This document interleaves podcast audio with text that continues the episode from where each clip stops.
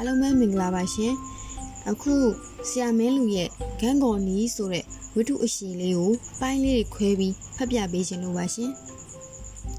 အပိုင်း1ရေရင်းပြက်ကြီး၏အတွင်းဘက်နံရံမှာမြုပ်ထားသော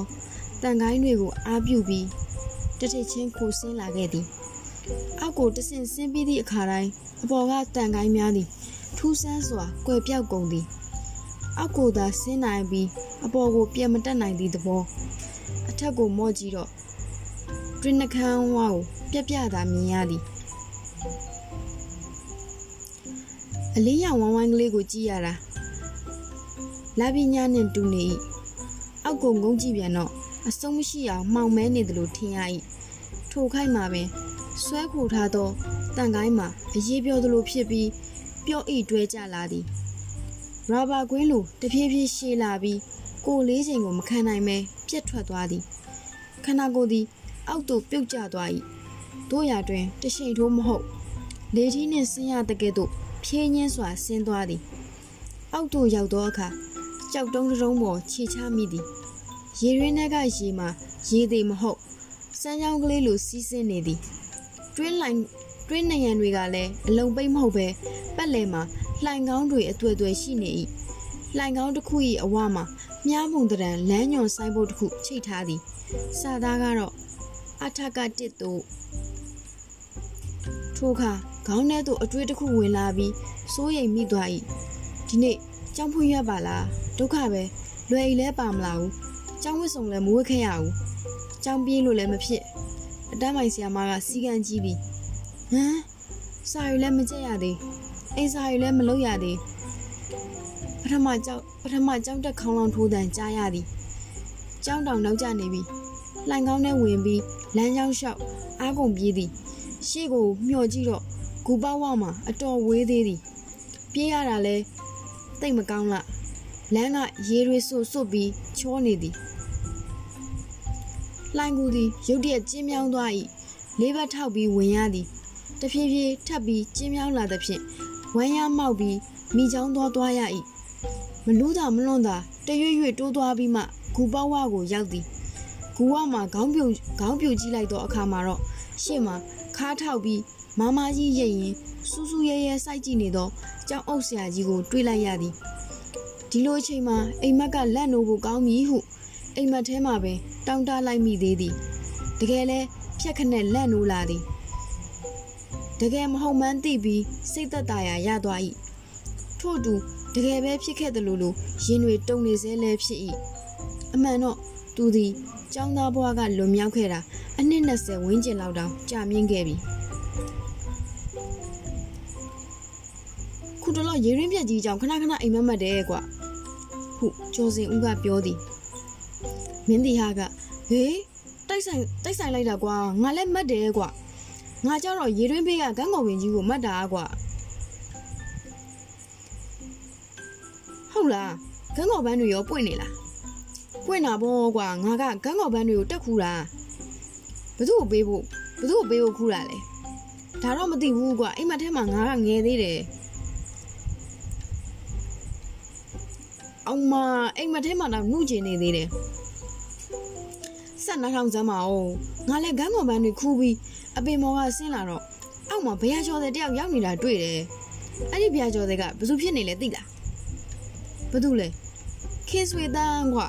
ဟေးဘဲကောင်ကိုပြောရလားအေးပေါ့ဟာဘဲကောင်ကအခုဌာနခွဲမှုတော်ဖြစ်နေပြီပဲဟာဘရားကျော်ရောင်းရမှာလားကွာမင်းကလည်းအိမ်မက်ပါဆိုမှသူမချင်တာမှတ်မှာပေါ့မင်းတောင်မှဒီရွယ်ကြီးရောက်မှចောင်းသားပြန်ဖြစ်သွားတယ်လို့မသိတာပဲကဲပါဆက်ပြောပါအောင်ငါလည်းဘရားကျော်နန်းကမွေးတော့စားကျင်လာရောပတ်စံကလည်းမပါဘူးကွာဒါနဲ့ငါကတောင်းစားတော့သူကမပေးဘူးကွာ ဂန်းကောင်ပန်းနဲ့လဲမယ်လို့ပြောတယ်ငါကလည်းဂန်းကောင်ပန်းတွေကနန်းမွေးကိုပေးဖို့စိတ်ကူးထားတော့ဘယ်လဲချင်မလဲဒါနဲ့ခုနပြောတော့ဘသူပေးရမှာမသိဘူးဆိုခုကျတော့နန်းမွေးပေးမလို့ဖြစ်သွားပြန်ပြီအိမ်မက်ပါဆိုမှကွာအဲ့ဒီချိန်ကျတော့နမ်းမွေးကိုတတိယသွားပြီးထားပါတော့ဒါနဲ့ငါလဲဘရားကျော်တွေလုတ်ပြီးထွက်ပြေးတာပေါ့ဘဲကောင်းကနောက်ကလိုက်တဲ့အချိန်မှာမင်းလက်နိုးတာမဟုတ်လားမဟုတ်သေးဘူးကွဘဲကောင်းကမလိုက်ဘူး ခုံဆွားခုံဆွားလုပ်ရင်အော်ပြီးကြံခဲ့တာဒါပေမဲ့အဲ့ဒီဘရားကျော်လဲငါမစားလိုက်ရဘူးဘာဖြစ်လို့စားမယ်လုံနေတော့ခွေးချီသွားလို့ကွာဒီကြားထဲဘယ်ကပေါ်လာမှမသိပါဘူးမြောက်တစ်ကောင်ကငါလက်ထဲကဂန်းကော်ပန်းတွေလှုပ်သွားပြီးဝါးစားနေပါရောငါကမြောက်ပါဇက်ထဲကဂန်းကော်ပန်းတွေကိုအတွင်းဆွဲထုံနေတော့လက်နိုးတာပဲဒါနဲ့နေစမ်းမအောင်ဘဲကောင်းကမတွေ့တာကြာပြီမဟုတ်လားဘာကြောင့်အိမ်မထဲပါလာရလဲဒီလိုကွာဟိုတလောကကိစ္စရှိလို့သူတို့ယုံကိုသွားသေးတယ် နမ်းမွေးကအဲ့ဒီယုံမှာဘဲကောင်းရှိတယ်အကူကြီးလိုရင်သွားတောင်းလို့မှာလိုက်တာလေအဲ့ဒါကွာထိုယုံကစီကန်းကြီးဟန်တူသည်အဝင်ဝတွင်အဲ့လက်မှတ်လုံးရသည်စည်ရေးကတွေးဆုံလိုသည့်ဝန်ထမ်းအမိကိုမေးသည်ဘဲကောင်း၏အမိရင်းခေဆွေတန်းဆိုတာကိုရုတ်တရက်မဲ့သွား၏သူခေါင်းကုပ်စဉ်းစားသည်စည်ရေးကသူ့ကိုမော့ကြည့်ရင်ရေးဖို့စောင့်နေသည်ဒီလိုဗျာနမကပါဇက်ဖျားလေးတွေမေ့နေလို့ ဟိုရင်းဗျာအမျိုးသမီးပဲလေဘင်းရှင်ရှင်သူ့ခေါင်းကဘေးတိုက်ကြည့်ရင်အဲဟိုဘဲကောင်းနဲ့တူတယ်စည်ရေးကမျက်မှောင်ကျုပ်ပြီးဆရာက CID ရလားလူပုံတရံကိုသာပြောပြီးစုံစမ်းနေသဖြင့်ရုပ်ရှင်တွေကလိုထင်မှတ်သွားဟန်တူ၏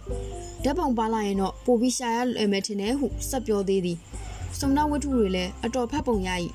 ဟာဗျာမဟုတ်ပါဘူးသူကကျွန်တော်ငယ်တငယ်ချင်းမှာငယ်တငယ်ချင်းဆိုပြီးနာမည်မမတ်မိဆိုတာရုပ်တိမရှိဟုထင်စရာဖြစ်နေသည်ထို့ကြောင့်ဒီလိုပါသူကအခုနာမည်ပြောင်းထားတယ်တဲ့အဲ့ဒါကြောင့်ဒါဆိုနာမည်ရင်းကပါတယ်လေစာမီတော့မှမထူးဘူးဆိုပြီးဘဲကောင်နဲ့ဟာဗျာနာမည်ကြီးရတယ်ရုတ်တရက်စိတ်ကူးရသွားဟန်ဖြင့် तू ကဒီရုံးမှာဌာနခွဲမှုလေအမျိုးသမီးပဲဒီတော့မှအမျိုးသမီးဌာနခွဲမှုကတယောက်ပဲရှိတာပဲဒေါက်ခင်ဆွေတန်းအောင်ပြောရလားဟာဟုတ်တယ်ဟုတ်တယ် तू ပဲ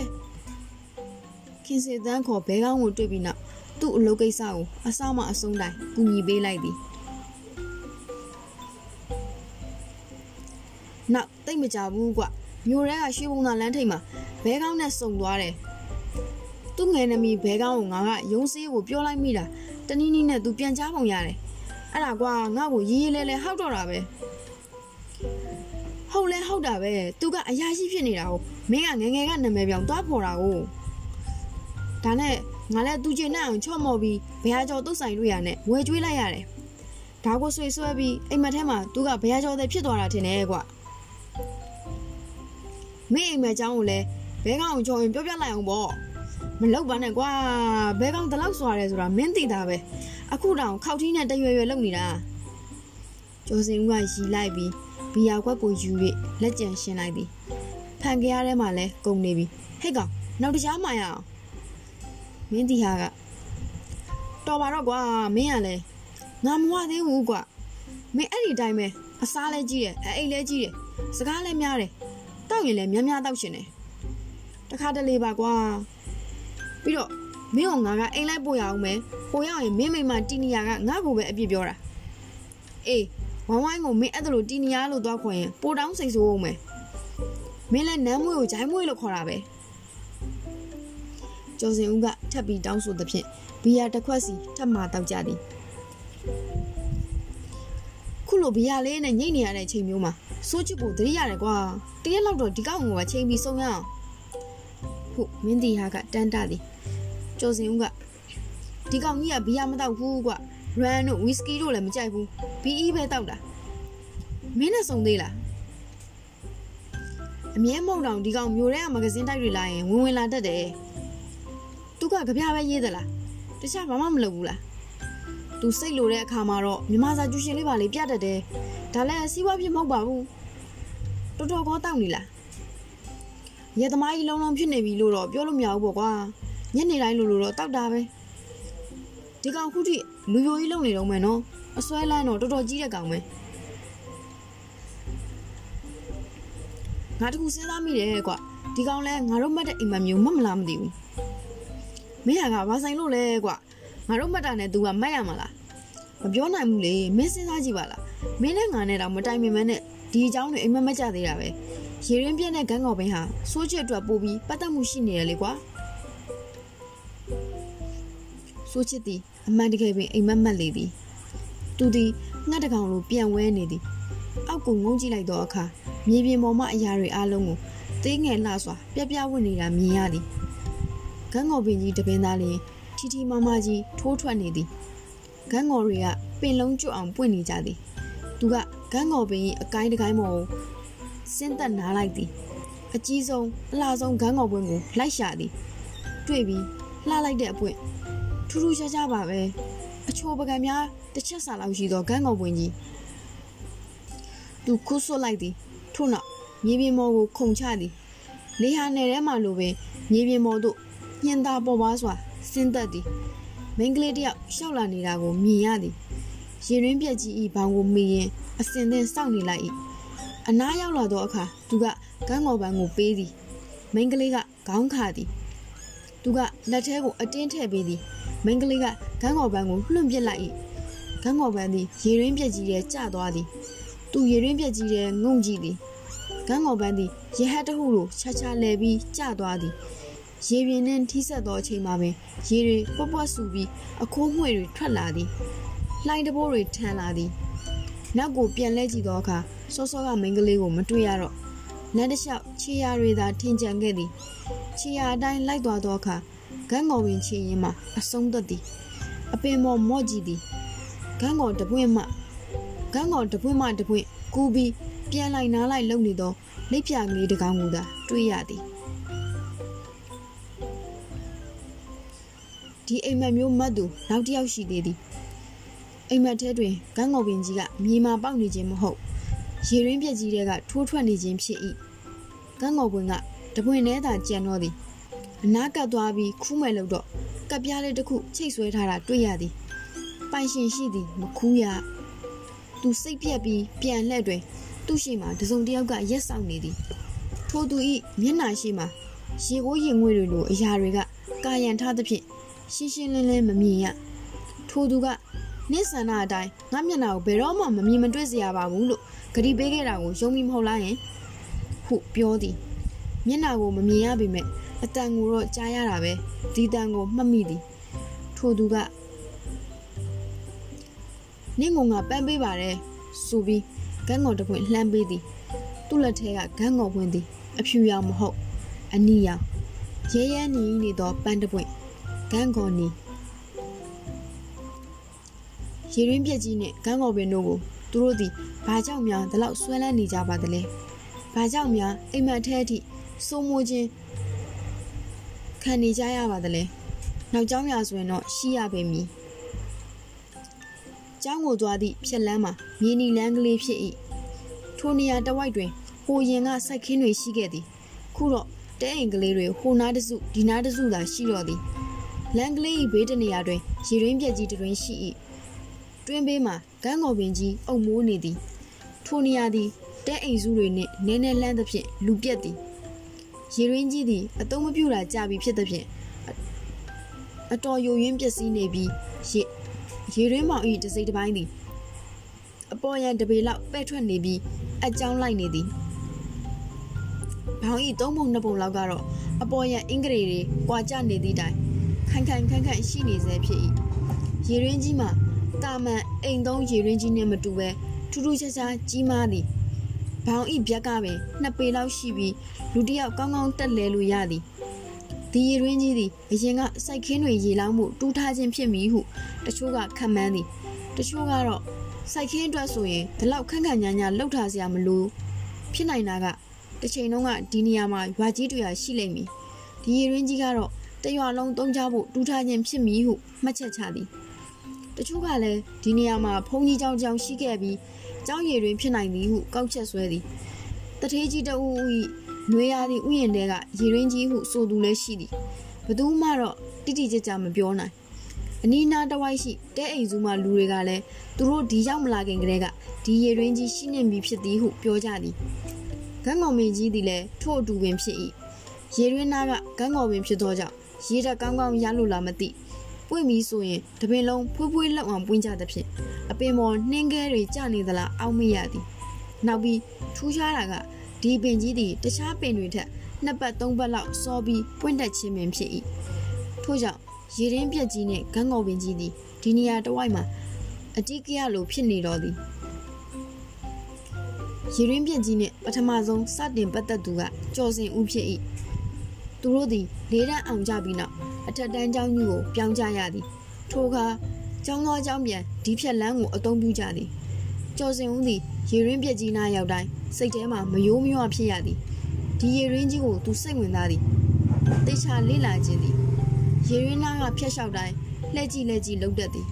တချို့နေ့တွေမှာလှစ်ခနဲ့ပြေးသွားပြီးတွင်းပေါင်ပေါ်ဝမ်းရထိုးမှောက်ပြီးအောက်ကိုငုံကြည့်သည်ဘောင်ကကျဲနေသဖြင့်အောက်ခြေကိုမြင်ရလောက်သည့်အထိမရောက်ဘဲဖြစ်နေ၏ ဒီကြားထဲမှာသူငယ်ချင်းတွေကဟဲ့ကောင်တွင်းနဲ့ပြုတ်ကြနေအောင်မယ်ဆိုပြီးလိုက်လိုက်ဆွဲကြသေးသည်ထို့ကြောင့်ကျော်စင်ဦးမှာအားမလို့အားမရဖြစ်နေ၏သူတို့သည်အရင်ကမူလာတန်းကျောင်းကလေးပုံဝင်းကျင်နဲ့ရက်ကွက်ရက်ကွက်အတွင်းမှာသာကျင်လည်ခဲ့ရသည်ငားတန်းရောက်လို့ကျောင်းကြီးကိုပြောင်းတော့မှဒီဘက်ကိုရောက်ဘူးချင်းဖြစ်၏ထို့ကြောင့်အစာပိုင်းတစ်လားလောက်တော့တိတ်အတင်မရဲကြသေးလမ်းသွားရင်တေတေဝိုးဝုတ်ကုတ်ကုတ်ကလေးတွေမျက်လုံးကဟိုကြည့်ဒီကြည့် ရွံ့တွန့်တွန့်ဖြစ်နေကြ၏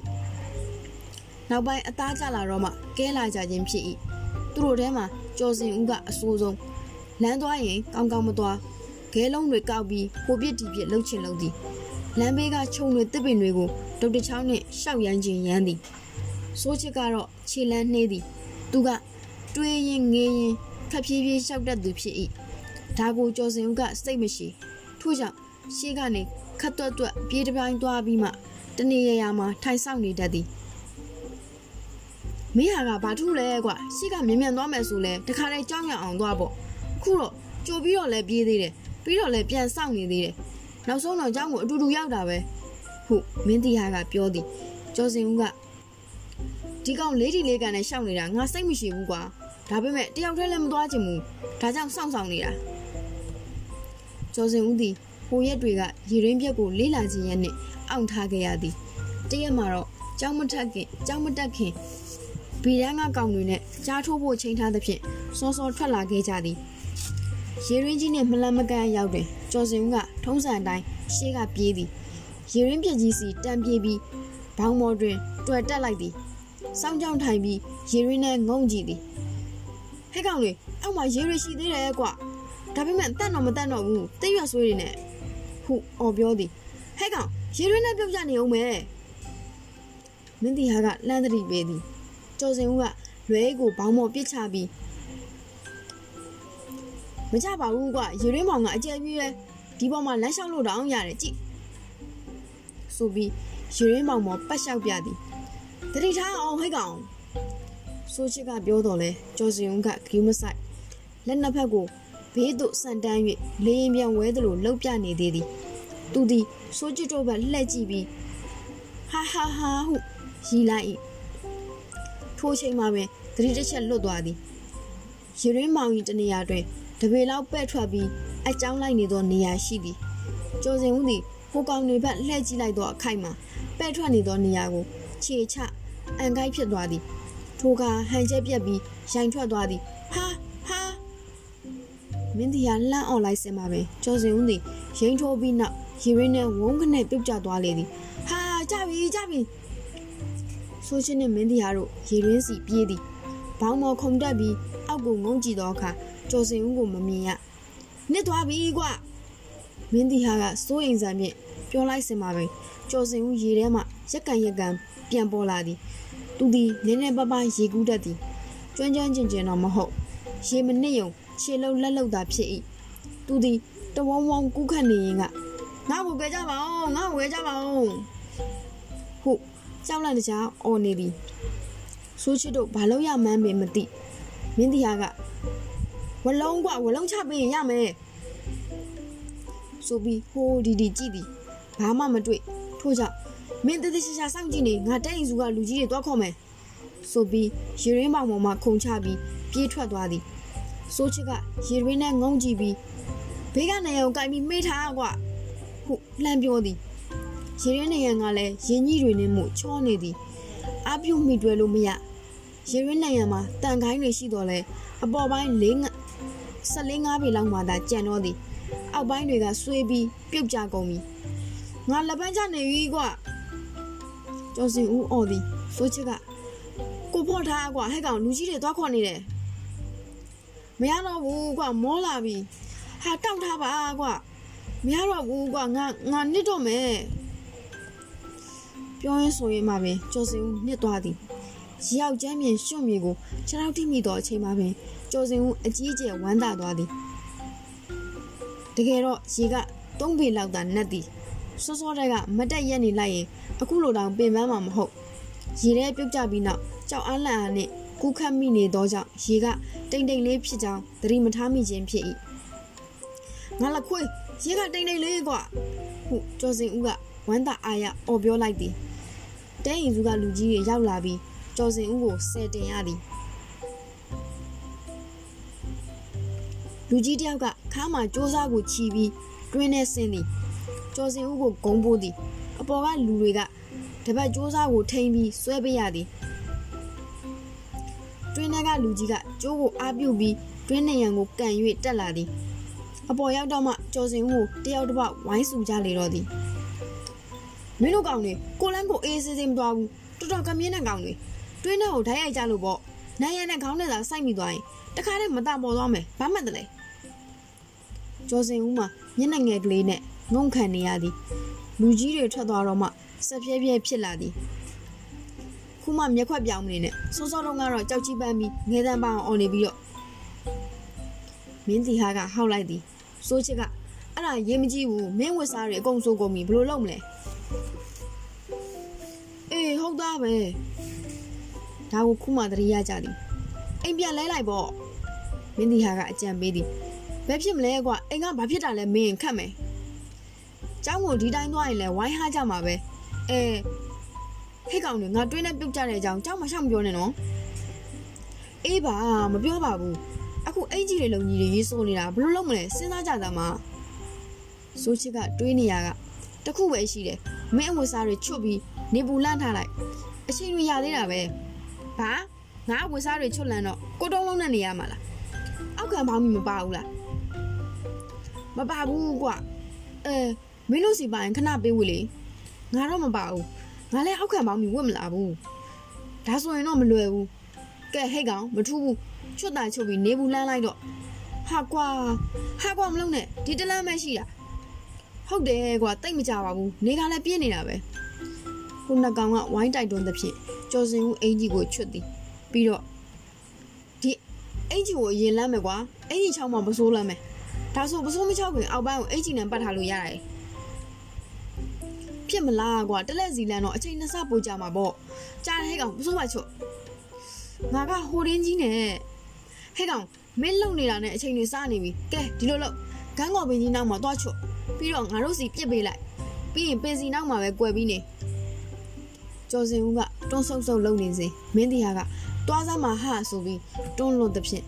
ခေါင်းကုန်ရင်ထွက်သွားသည်ကန်းကော်ပင်နောက်သို့ဝင်းကွယ်၍ပစိုးကိုချွတ်ပြီးလှမ်းပစ်ပေးသည်မင်းတို့အကျင့်တော်မယုံနဲ့နော်ငါဝက်စားတွေယူပြီးလက်မပြေးနဲ့အောင်ဟုစိတ်မချဟန်ဖြင့်လှမ်းပြောသေးသည်ဆိုးချင်းနဲ့မင်းတရားတို့က ကျော်စင်ဦးနှင့်ကျော်စင်ဦး၏ပစိုးနှင့်အင်ကြီးတို့ကိုရေတွင်းပေါင်ပေါ်မှာလှမ်းပေးသည်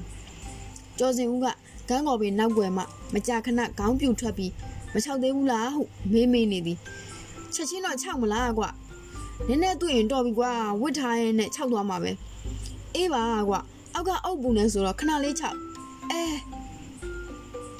မင်းဒီဟာပြောရင်ကစကားမဆက်နိုင်မဲဖြစ်သွားသည်ခလန်းလန်းမှရှောက်လာနေတော့ ဝိုင်းဝိုင်းနှင့်နမ်းမွေးတို့ကိုမြင်လိုက်ရသောကြောင့်ပင်ဖြစ်လေ၏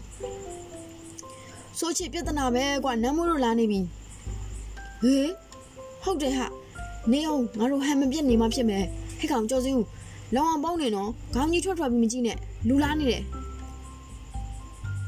ဟုတ်ကြော်စင်ဦးစီလန့်တရီပေးသည်အရေးတဲ့ကြော်စင်ဦးက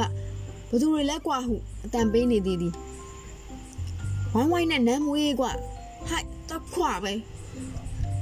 ဝိုင်းဝိုင်းနဲ့နမ်းမွေးတို့သည်ရေတွင်းနာရောက်လာသည်နမ်းမွေးကနင်တို့ကြောင်းမသွားသေးဘူးလားဘာလို့နေကြရလဲသွားမှာပေါ့ဟာကြော်စင်ဦးမလာသေးလို့စောင့်နေတာမင်းတီဟာကလှိမ့်သည်ထိုးစင်မှာပင်ဝမ်းဝမ်းကရွေရင်းပေါင်ပေါ်လှမ်းထားသောကျော်စင်ဦး၏ဝစ်စားများကိုတွေ့သွားသည်ရေရင်းနားကိုရှောက်သွားရှောက်လာပြီးအဲ့ဒါတွေကဘာလဲလဲညိုးထိုးပြီးမေးသည်ဘာမှမဟုတ်ပါဘူးဟာဘာမှမဟုတ်ဘဲနဲ့ဒီဝစ်စားတွေကိုဘာလို့လှမ်းထားရလဲနမ်းမွေးကလည်း နင်တို့ဘာတွေမဟုတ်တာလောက်တာလဲဟုတ်ဝင်၍စစ်ဆေးနေပြန်သည်ဘာမှမဟုတ်ဘူးဆိုရင်ဒါတွေကဘသူဟာကြီးလဲဟိုကျော်စင်ဦးအဲမဟုတ်ပါဘူးမင်းဒီဟာကလွတ်ခနဲ့ပြောမိပြီးမှချက်ချင်းဘူးပွယ်သည်ဝိုင်းဝိုင်းသည်မတင်ငါဖြစ်သွားသည်စောစောကပြောတော့ကျော်စင်ဦးကိုစောင့်နေတာတဲ့ခုကျတော့ဒီဝက်စားတွေကကျော်စင်ဦးရဲ့ဟာတွေလို့ပြောနေပြန်ပြီပြီးတော့ခုမှပြီးတော့ခုမှတခုသွားသတိရမိ လွန်ခဲ့တဲ့နိုင်ဝက်လောက်ကကျော်စင်ဦးသည်အိမ်ရှိကဖြတ်သွားရင်ဝိုင်းဝိုင်းရေပြပြရေငါចောင်းသွားနေပြီဟေးဟုနောက်သွားသေးသည်ထိုစဉ်ကចောင်းဝစ်စုံနှင့်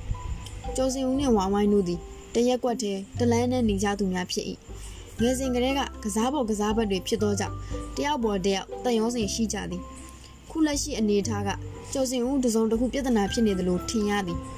ခုနှစ်ကောင်ကိုကြည့်လိုက်တော့လဲတယောက်ကိုတယောက်ကြည့်နေကြပုံမှာမလုံမလဲဖြစ်နေကြဟန်ရှိ၏ ဝိုင်းဝိုင်းမတင်ငါဖြစ်လာပြီးနင်းနင်တို့ကျော်စင်ဦးကိုဗလိုက်လိုက်ကြလဲဟုမေးလိုက်သည်မင်းဒီဟာကပြက်ပြက်တလဲဟာဘာမှမလုပ်ပါဘူးဘာမှမလုပ်ပါဘူးဘာမှမလုပ်ဘူးဆိုပြီးတော့ဒီဝစားတွေကဘာလဲဒါကျော်စင်ဦးဟာတွေမဟုတ်ဘူးလားဟုနမ်းမွေးကပါဝင်ပြောသည်မင်းဒီဟာတို့မှာဘာပြန်ပြောအောင်မှမသိပဲအိမ်တွေတွေလည်းပြက်နေသည်ထိုးစင်မှာဘာဖြစ်နေကြလဲဟေ့တုတ်ကြီးရောက်လာပြီးမေးသည် ဝိုင်းဝိုင်းမှာငိုရောမိမျက်နှာနဲ့သူတို့နှစ်ယောက်ကြော်စင်းကိုဘာလုပ်လိုက်လဲမသိဘူးအင်ကြီးပဲတွေ့တော့တယ်ဟာမဟုတ်ပါဘူးအင်ကြီးကဟိုးစားပါမင်းဒီယာကဘလုံးဘလွေညင်းသည်တုတ်ကြီးသည်ပခုံးကိုတွန့်လိုက်၏သူသည်မိုးဝေ၏စုံတောက်တင်မောင်ဆွေဝတ္ထုတွေကိုဆွဆွလန်းလန်းဖတ်သူဖြစ်၏ထို့ကြောင့်တင်မောင်ဆွေအိုင်တင်ဖြစ်ပခုံးတွန့်လိုက်ခြင်းဖြစ်၏ပြီးမှဒါကျော်စင်ဦးရဲ့အဝတ်စားတွေဆိုတာသိကြလား ဟုမေးသည်စိုးချစ်ကရောင်ကန်းကန်းဖြင့်မသိကြဘူးဟုဖြေသည်ဒါဖြင့်မသူဟာရတော့မသိဘူးမင်းဒီဟာကစကားမှားပြန်သည်တုတ်ကြီးကရေရင်းပေါင်ပေါ်တွင် ဖြန့်လန်းလာသောအဝတ်စားတွေကိုတည်တည်ချာချာကြည့်သည်အင်ကြီးကိုယူပြီးနမ်းကြည့်အင်းရှွန့်ပုတ်စော်လိုလိုနမ်းနေဘာရှွန့်ပုတ်စော်နမွေကရေယူရင်းသူ့အရက်ရှိရှိကြီးနဲ့ရေရင်းနဲ့ကဲကြည့်ဖို့ကြိုးစားသည် ထိုစင်မှာတုတ်ကြီးကဟောတွေ့ပြီဒီမှာတက်လုံစားဟုပြောပြီးအင်ကြီးဤအောက်ဖက်အနားစွန်းပေါ်မှာအမတ်သားပြုထားသောစလုံးသုံးလုံးကိုလက်ညှိုးနှင့်ထောက်ပြသည်တွေ့လားကေဇက်အိုးတဲ့ဒါကျော်စင်ဦးနာမည်အတူကောက်ပဲဟုတ်တယ်ဟုတ်တယ်ကျော်စင်ဦးတို့မေကခုလိုပဲသူ့အင်ဂျီတွေပေါ်မှာကိုရွက်ခံရေးပြီးအမတ်သားလှုပ်ထားတတ်တယ်ဝိုင်းဝိုင်းကထောက်ခံပြောဆိုပြီးနောက်ခုနှစ်ကောင်ဘက်လက်လက်၍မျက်နှာချင်းဆိုင်လိုက်သည် နင်တို့မမှန်ပြောစမ်းကျော်စင်ဦးဖွင့်ပါလေနင်တို့ဘာလုပ်လိုက်တယ်လဲဝိုင်းဝိုင်းမှာအတန်တွေတုံနေသည်မျက်လုံးကလည်းပြူးလာသည်ဟိုနှကောင်စီတို့တိုးကတ်သွားသည်သူ့ပုံစံမှာထူတော့ရိုက်တော်မီပုံဟိုကောင်နေလန့်ပြီးနောက်ဆုတ်ရင်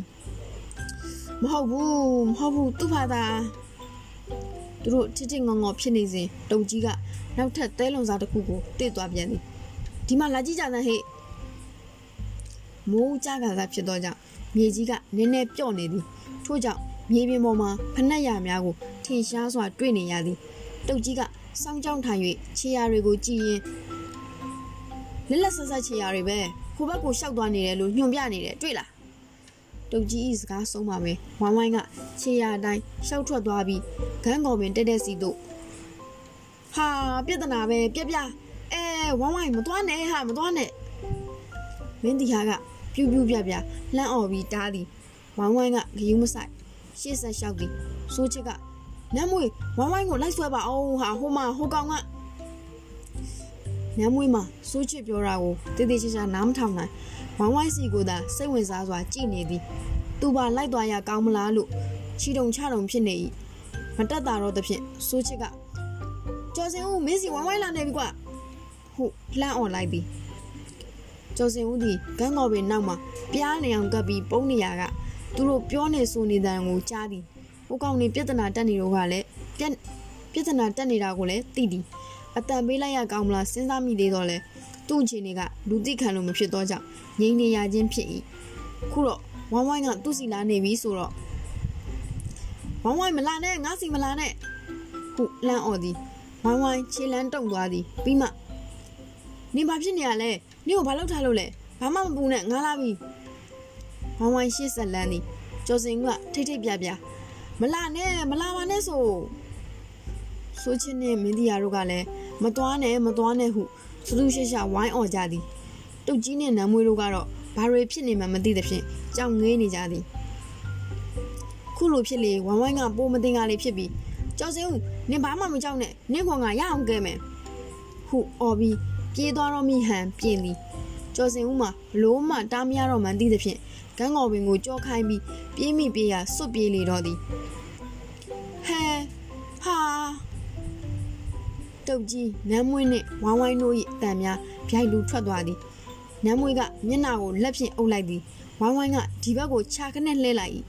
ကျော်စင်ဦးတခုတော့ကန်ကောင်းသွားသည်ခလန်လာမှာခြုံပိုးတစ်ခုရှိနေသဖြင့်အမြန်ဝင်ခွဲလိုက်နိုင်သောကြောင့်တိတ်ထင်းထင်းရှားရှားကြီးတော့မဖြစ်လိုက် ဘာပဲဖြစ်ဖြစ်ထိုနေ့မှစ၍မိန်းကလေးတွေကကျော်စင်ဦးကိုကွဲရမှာတုံးလုံးဟုခေါ်ကြလေတော့သည်ကျော်စင်ဦးမှာရှက်ပြီး၃ရက်လောက်ကြောင်းမတက်ပဲနေသည်တခြားလူတွေဆိုပြောလို့ဆိုလို့ရနိုင်တော့လဲတုတ်ကြီးဤပါဇက်ကိုပိတ်ဖို့ကတော့မဖြစ်နိုင်အထူးသဖြင့်သူ၏စုံတော့ပညာဖြင့်ဖော်ထုတ်လိုက်ပုံကိုကြွားကျင်တာနဲ့ပဲရှောက်ပြောမှကျင်းနေသည်တို့ရတွင်သူတို့မှငါးတန်းចောင်းသားကလေးတွေသာဖြစ်သောကြောင့် ကြကြရှက်မနေတော့နောက်ပိုင်းကျတော့လဲပုံမှန်တိုင်းဖြစ်သွားလေသည်ထိုကိစ္စနဲ့ပတ်သက်ပြီးကျော်စင်ဦးကထူးဆန်းတာတစ်ခုပြောသည်ဟဲ့ကောင်လေးအဲ့တော့မင်းတို့ငါ့ကိုရေရွေးနဲ့တွန်းချလိုက်တာလားဟာကွာဒီလောက်အန်ရယ်များလိုက်ကြီးကိုငါတို့ကလောက်ပါမလားအေးလေမင်းပြုတ်ကြတဲ့အချိန်တော့ငါတို့တောင်ရေရွေးနာမရောက်သေးဘူးစိုးချင်းနဲ့မင်းတရားတို့ကညင်းချက်ထုတ်သည်ဒါဆိုရင်တော့ထူးဆန်းတယ်ကွာဘာဖြစ်လို့လဲအဲ့တော့ငါ့ကိုတယောက်ယောက်ကတွန်းချလိုက်တယ်လို့ပဲဟင် ဒါဆိုကျော်စင်ဦးမှာသူအဆက်ကွဲခဲ့တာကိုလက်တော့ပြန်ကျင်လို့လားတကယ်ဒီတိုင်းဖြစ်ခဲ့သလားတော့မသိထိုသတင်းမှာပြက်နှံ့သွားသည်လူကြီးတွေကလည်းရုပ်တိရှိတာမရှိတာဖြစ်နိုင်တာမဖြစ်နိုင်တာအပါထားကလေးတွေရေရင်းနာမသွားရအောင်အန်ဒရကင်းတာပဲဟုသဘောထားပြီးဟုတ်တောင်ရောင်လေးတန်ပြစ်ကြသည်ဒီလိုနဲ့ရေရင်းပြက်ကြီးမှာတရေရှိသည်တွန်းချတတ်သည်ဟုသတင်းထွက်သွားတော့သည် ညဘက်ဆိုရင်ရေရင်းနာကိုဘသူမှမသွားရတော့ကျောင်းသွားကျောင်းပြန်ရေရင်းပြက်ကြီးနာကဖြတ်သွားတဲ့အခါတိုင်းလှဲ့မကြည့်ရဲပဲခတ်တုတ်တုတ်ရှောက်ကြတာကိုခတ်တုတ်တုတ်ရှောက်ကြတာတို့ဘာတို့ဖြစ်ကုန်သည်အကဲပိုခြင်းသူတချို့ကညဘက်ကျရင်ရေရင်းပြက်ကြီးနာကမီးရောင်တွေမြင်ရတယ်လို့လို့စုံတောက်တယ်လို့လို့ပြောကြသည်ကြတော့ကလေးတွေသာမကလူကြီးတွေပါယုံကျင်တယ်လို့လို့ဖြစ်လာ၏ဒီလိုနဲ့ရေရင်းပြက်ကြီးမှာအလိုလိုနေရင်နာမည်ကြီးလာလေတော့သည် ကြပြရင်းနေရင်ကစကလုံးတွေစဉ်းစားလို့မရပဲဖြစ်လာတော့အခါမျိုးတွင်ဒီနေရာမှာလာထိုင်လေးရှိ၏သူ့အတွေ့အကြုံရဒီနေရာမှာလာထိုင်သည့်အခါတိုင်းကြပြရေးဖို့စကလုံးတွေဖိတ်အံကြလာတတ်စမြဲဖြစ်၏ထို့ကြောင့်ကြပြတွေအများကြီးဝေးဖွားစေခဲ့သောနေရာဟုပြောနိုင်သည်ထို့အတူကြပြဆိုသည်မှာဝေဒနာကိုခြေခံပြီးမှပေါ်လာတတ်သောအရာဟုဆိုရင်တော့ဒီနေရာကလေးသည်သူ့ကိုဝေဒနာတွေပေးခဲ့သောနေရာဟုသတ်မှတ်ရပါလိမ့်မည် ခုချိန်မှာတော့သူ့အတွက်ဖောဆိုလို့ကြပြနဲ့ရမကားသာရှိတော့သည်ကြပြရေးချင်းစားဖက်ချင်းတွေးတော့ငေးမောခြင်းနဲ့ညနေဆောင်ရင်ရမကာမှီဝဲခြင်းတို့မှာသူ၏နေ့စဉ်အလုပ်ပင်ဖြစ်၏သူကမိသားစုထဲမှာတဦးတည်းသောယောက်ျားလေးဖြစ်၏ကျန်နာတွေကမိန်းကလေးတွေအကြည့်ဖြစ်သည်ထို့ကြောင့်မိဘတွေကအလွန်ချစ်သည် မောင်နှမတွေနှမတွေကလည်းဦးစားပေးသည် သူတို့ကအိမ်အောင်ကြပြီးနောက်အိမ်ခွဲနေကြသည် စိုးချစ်ကတော့လူမျိုးကြီးအဖြစ်နဲ့ပဲမိဘတွေနဲ့အတူကြံခဲ့သည်မိဘတွေဆုံးသွားတော့အမတွေနှမတွေကသူတို့နဲ့အတူလာနေဖို့ခေါ်ကြသည်စိုးချစ်ကသူ့ဘာသာလွတ်လပ်လပ်နေခြင်းနဲ့ဆိုပြီးမိဘတွေအိမ်မှာပင်ဆက်နေသည်သူ့အိမ်ကနှစ်ထပ်ပြင်အောင်အိမ်ကလေးဖြစ်၏အောက်ထပ်ကိုရိုးသားအေးဆေးသောညားကစားလင်များကိုအငားတင်ထား၏သဘောမရှိလာကမရှိ သူ့အတွက်ထမင်းတာဝန်ယူယုံတာဖြစ်သည်သူကဟင်းကြီးများသူမဟုတ် များများစားရလည်းမဟုတ်မနှက်စာညစာအတွက်ပေါင်းပြီးဂျိုင်းနဲ့ထည့်ပေးယုံတာဖြစ်သည်အမတွေညီမတွေကလည်းအစင်သိရင်ရောက်လာတတ်သည်တူစားဖို့ငပိကျော်စိတ်သားကြောင့်ငရမ်းချောက်ဖို့စက်သားကျော်ငါးတက်သားစသည်တို့ကိုယူလာသည်ညီမအငယ်ဤယောက်ျားကတင်မောသားဖြစ်၏တစ်ခေါက်ပြန်လာတဲ့အခါတိုင်း blood label တပလင်းနဲ့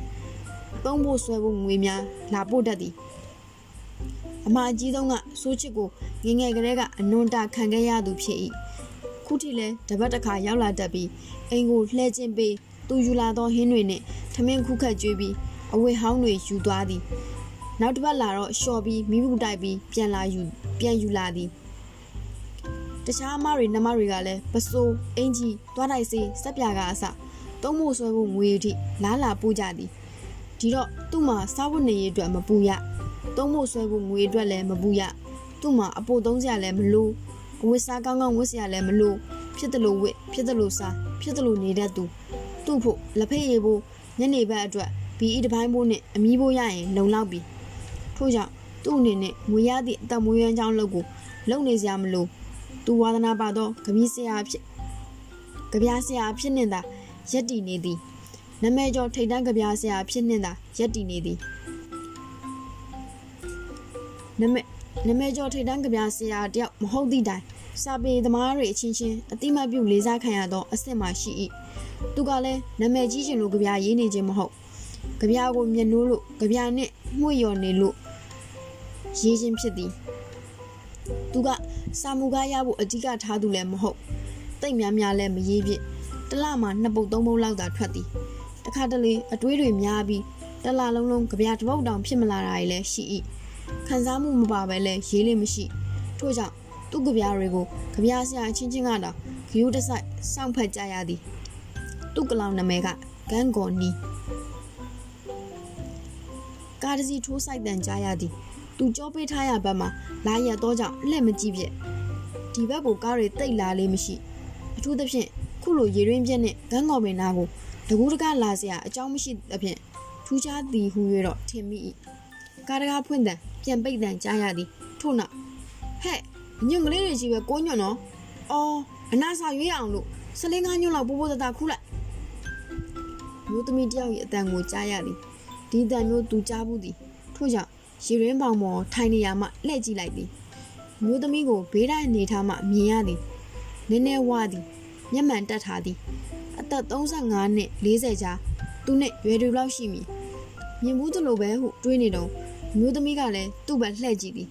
ခဏမြအပြန်လန်စိုက်ကြည့်မိပြီးနောက်တယောက်ကိုတယောက်ဗျိုင်းတူလက်ညှိုးထိုးလိုက်သည်မျိုးသမီးကစ၍ဟဲစိုးချစ်ကြီးကြီးစိန်ကြီးကြီးစိန်မဟုတ်လားစိုးချစ်ယူရင်းပေါင်ပေါ်မှာဆင်းပြီးကြီးကြီးစိန်နားလျှောက်သွားသည်စိုးချစ်ရဲ့ကြည်စံရုပ်ကိုတော်တော်ဖမ်းယူရတယ်နင်ကတော်တော်ပိန်သွားတာ哦နင်ကလည်းတော်တော်ဝလာတယ်မျက်မှန်ကလည်းတက်ထားတော့တော်တော်ခန့်လာတယ်မင်းကတော့ရုံမျိုးပေါ့ ခုလိုမြောက်ပြောတဲ့အတွက်ကျွေးစရာဆိုင်လဲဒီနားမှမရှိတော့အခက်သားဟာဒါနဲ့နင်ကဘာလာလောက်တာလဲကြီးကြီးစိန်ကဂန်းကောင်မျိုးမတက်နေသော driver ကိုလှမ်းမော်ကြည့်လိုက်ပြီးမှအိမ်ကလူအတွက်ရေရရချီဖို့ဂန်းကောင်ညွန့်လာခုတာဂန်းကောင်ညွန့်များဟာဘယ်မှာခုခုရရတာနဲ့ထီထီတကူတကလာရသလားအေးဟာထူးဆန်းတယ်လို့ဆိုရမလားပဲရေရရချီဖို့ဂန်းကောင်ညွန့်လိုတယ်လဲဆိုရောဒီပင်ကြီးကိုဖျက်ခနဲ့တတိယလိုက်မိတယ်နောက်ပြီး ငါကိုယ်တိုင်ကလည်းဒီကိုလာခြင်းစိတ်ပေါက်နေမိတယ်ဒီပင်ကြီးကလည်းတခြားပင်တွေအတွက်စောပွင့်တတ်တယ်ဆိုတော့ပိုပြီးအစမ်းထွက်မှာပဲလို့ထင်တာလဲပါတာပေါ့ငါတွေ့တာမှန်တယ်ဟာဒီလဲရောက်ရောနင့်ကိုတွေ့တော့တာပဲလေငါ့ကိုတွေ့တာနဲ့ဘာဆိုင်လို့လဲနင်ကအင်္ဂါသားမဟုတ်လားငါအင်္ဂါလူကလည်းအင်္ဂါသားပဲနင်ပြောသလိုဆိုနင့်လူအတွက်ရေရမကြည့်ပဲငါအတွက်ကြည်သွားအောင်မယ်နင့်အတွက်လည်းရေရခြေလို့ရရင်ခြေပေးချင်ပါတယ်ဟာလူမျိုးကြီးဘွားကကြွအောင်လေ ဆိုချစ်ကပြုံးလိုက်ပြီးငါမိမမရသေးဘူးဆိုတာနင်ဘယ်လိုလုပ်သိလဲသိတာပေါ့နင်ကအစွဲလန်းကြီးတဲ့သူပဲသူ့ကိုမှမရရင်ဘသူ့ကိုမှယူမှာမဟုတ်ဘူးဆိုတာလေလူတိုင်းသိတယ်ကြီးကြီးစိန်ကစကားလန်းခင်းနေပြီသူဒီငငယ်ကလေးကဆက်စုတတ်သူပြောချင်တာစွတ်ပြောတတ်သူဖြစ်၏စကားလည်းအလွန်များသည်စရင်ကတော့တော်တော်ကောင်းသည်သူများကိုလည်းကူညီချင်တတ်သည်ကျောင်းမတော်ကပတ်စံမရှိရင်သူ့စေကပဲချီးရသည်ခုလဲအတိတ်ကိုပြန်တူးဖို့ဟန်ပြနေပြန်ပြီ ဆိုချစ်ကဘလို့စကားလမ်းလွှဲရပါမလဲစဉ်းစားနေတော့မှပဲဒရိုင်ဘာဒီဂန်းကောင်ပင်ပေါ်မှဆင်းလာသည်လက်ထဲမှာဂန်းကောင်ညွန့်တွေကင်လာသည်ဒါလောက်ဆိုရမလားမမဟုတ်မေးလာသည်ကြီးကြီးစိန်ကလှမ်းကြည့်ပြီးအေးအေးရပြီမင်းကားပေါ်မှာတော့စောင့်နေဒရိုင်ဘာကခေါင်းငိမ်ပြီးထွက်သွားသည်ကြီးကြီးစိန်ကဒီဘက်ပြန်လှည့်ပြီးအဲ့တော့ဟာဟုစကားကောက်ပြီးပြုစဉ်ဆိုချစ်ကလမ်းလွဲလိုက်သည် နေစမ်းမအောင်နင်ဒီကိုလာတာတဲမကြောက်ဘူးလားကြီးကြီးစိန်ကရီးပြီးအေးဟာအဲ့ဒီကြောင့်မို့အိမ်မှာမကြခဏပြောဖြစ်တယ်ကလေးတွေဟာဆိုရင်ပုံမင်တပုတ်လိုဖြစ်ပြီးခဏခဏပြန်ပြောခိုင်းတတ်တယ်ဟာကျော်စင်ဦးရီရင်းနဲ့ပြုတ်ကြတာတရေပဲတွန်းချသလိုလိုသတင်းတွေထွက်ပြီးနောက်ဒီနားရောက်ရင်ခက်တုတ်တုတ်သွားကြတာကြက်သိမ်းထားသလိုလိုကြောချမ်းသလိုလိုဖြစ်ကြတာတွေမြင်ရသောအခါသူတို့အုပ်စုသည်နောက်ချင်ပြောင်ခြင်းစိတ်ပေါ်လာသည်တရက်ကြတော့ကြောင်းကန်းထဲမှ ကြောင်းကန်းထဲမှာမင်းတီဟာကတရန်လုံးကြားလာအောင်အော်ကြီးဟစ်ကျပြောသည်မနက်ကကြောင်းကိုလာရွရင်းပြက်ကြီးနာကဖျက်ရှောင်းမှာတွင်းထဲကရီတန်ကြီးကြားရသလိုရီတန်ကြီးကြားရသဖြင့်ခွေးပြေးဝက်ပြေးပြေးလာရကြောင်းထိုကကြော်စင်ဦးကလည်းဒါကြောင့်ပြောတာဗောကွာတယောက်တည်းမသွားပါနဲ့လို့မင်းကရှေ့ပြီးရှေ့ကထွက်သွားတာကိုဟုအတိုင်ဖောင်းညီအောင်ဝင်ပြောသည်ညနေကြောင်စင်းတော့ သူတို့အုပ်စုကအရင်ဥအောင်သွားပြီးရေရင်းပြက်ကြီးနောက်မှာပုံ၍အစင်စင်စောင့်နေကြသည်ဒီဘက်လမ်းအတိုင်းပြန်တော့ကျောင်းသူကျောင်းသားတွေမှာသူတို့စကားကြောင့်တယောက်တည်းမပြည့်ရဲကြပဲအုပ်စုလိုက်တာလာကြသည်ရေရင်းပြက်နာရောက်ရင်လဲခတ်တုတ်တုတ်လစ်ကြသည်တချို့ခရဲရဲကျောင်းသားတွေကျောင်းသားတွေသာတစေတစောင်းကြည့်သွားကြသည်မိန်းကလေးတွေကတော့အနားရောက်ရင်တယောက်နဲ့တယောက်ပူးကပ်ကုန်ကြသည်တချို့လည်းအပြေးတစ်ပိုင်းသွားကြသည်ဒါကိုချောင်းကြည့်ရင်သူတို့ကကြိတ်ရီကြသည် ကန်ဆိုးသူကတော့ကြီးကြီးစိမ်ဖြစ်၏သူသည်မုံစားစင်းငိန်တို့ကမုံစားစင်းငိန်တို့ကကျောင်းသွားကျောင်းမြန်တွဲဖက်ဖြစ်သောတငယ်ချင်းတွေနဲ့ရင်ဖြစ်ခဲ့ကြသည်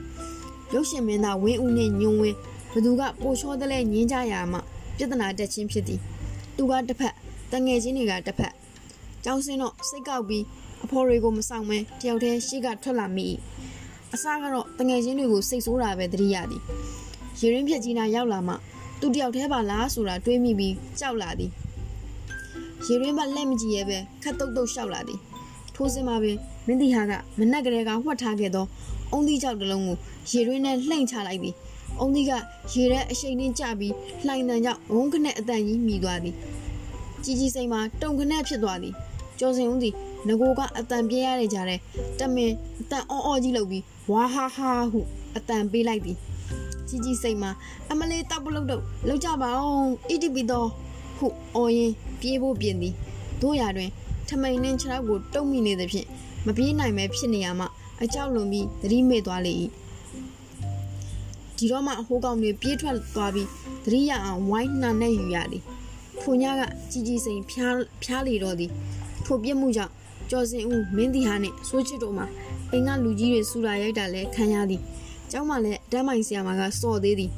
ကျောင်းအုပ်ကြီးကလည်းမုံစားစင်းချိန်မှာအင်သားတွေစေးကြောဖို့ပြစ်ဒဏ်ပေးခဲ့သေးသည်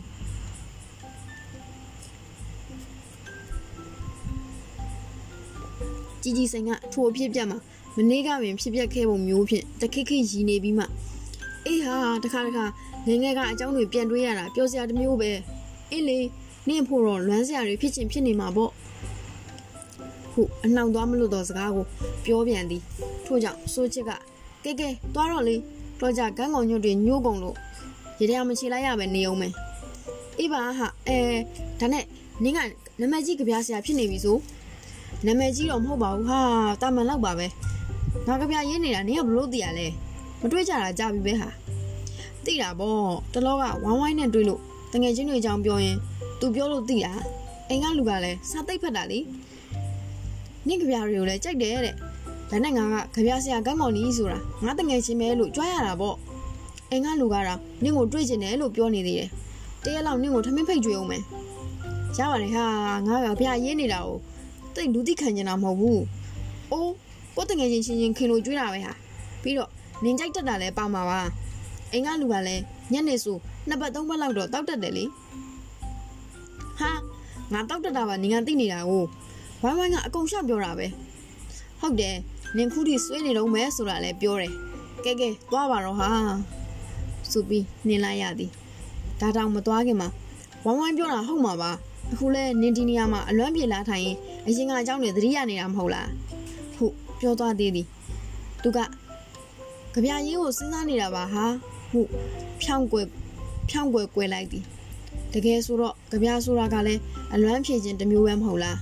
စောစောကကြီးကြီးစိန်ပြောသွားသောစကားတစ်ခုကိုမှတ်မှတ်သားသားဖြစ်မိငငယ်ကအကြောင်းတွေကိုပုံမြင်လို့ပြန်ပြန်ပြောရတယ်တဲ့သူ့အကြောင်းကိုရောငယ်ချင်းတွေကြားထဲမှာအလွမ်းပုံရင်တပုတ်လို့ခုထိပြောစမှတ်ပြုနေကြဆဲများဖြစ်လိမ့်မလား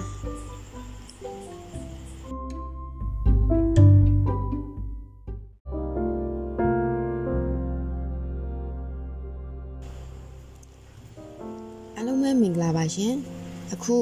ဆရာမင်းလူရဲ့ဂန်းဂေါ်နီဆိုတဲ့ဝတ္ထုလေးရဲ့အပိုင်းနှစ်ကိုဆက်ပြီးဖပြပေးခြင်းလို့ပါရှင်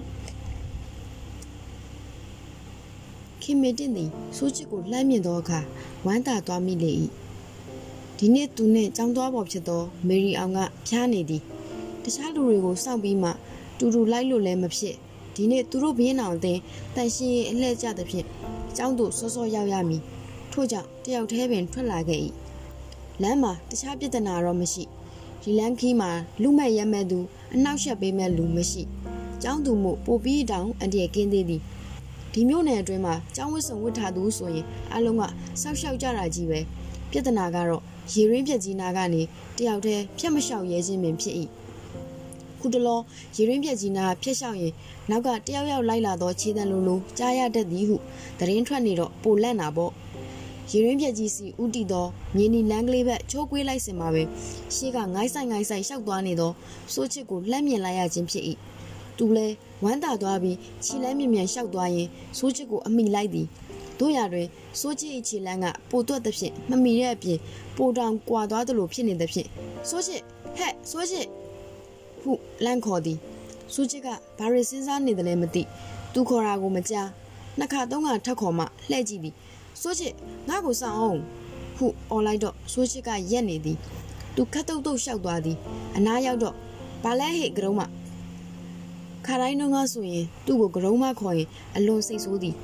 ခုတော့စိတ်ဆိုးဖို့စရီးမရပဲစိုးချစ်ကိုတောင်မျက်နှာချိုသွေးလိုက်ရသေးသည်ငါဖော်မရှိလို့ဟာတယောက်တည်းသွားရမှာပြင်းတာနဲ့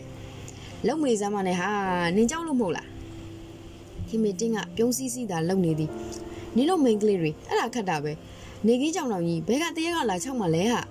ချောက်ရှင်လို့ရှိရင်နှစ်ယောက်မကလို့ဆယ်ယောက်စုပြီးသွားလဲချောက်မှာပဲတော်တော့ဟာအဲ့ဒီကြောင်မပြောနဲ့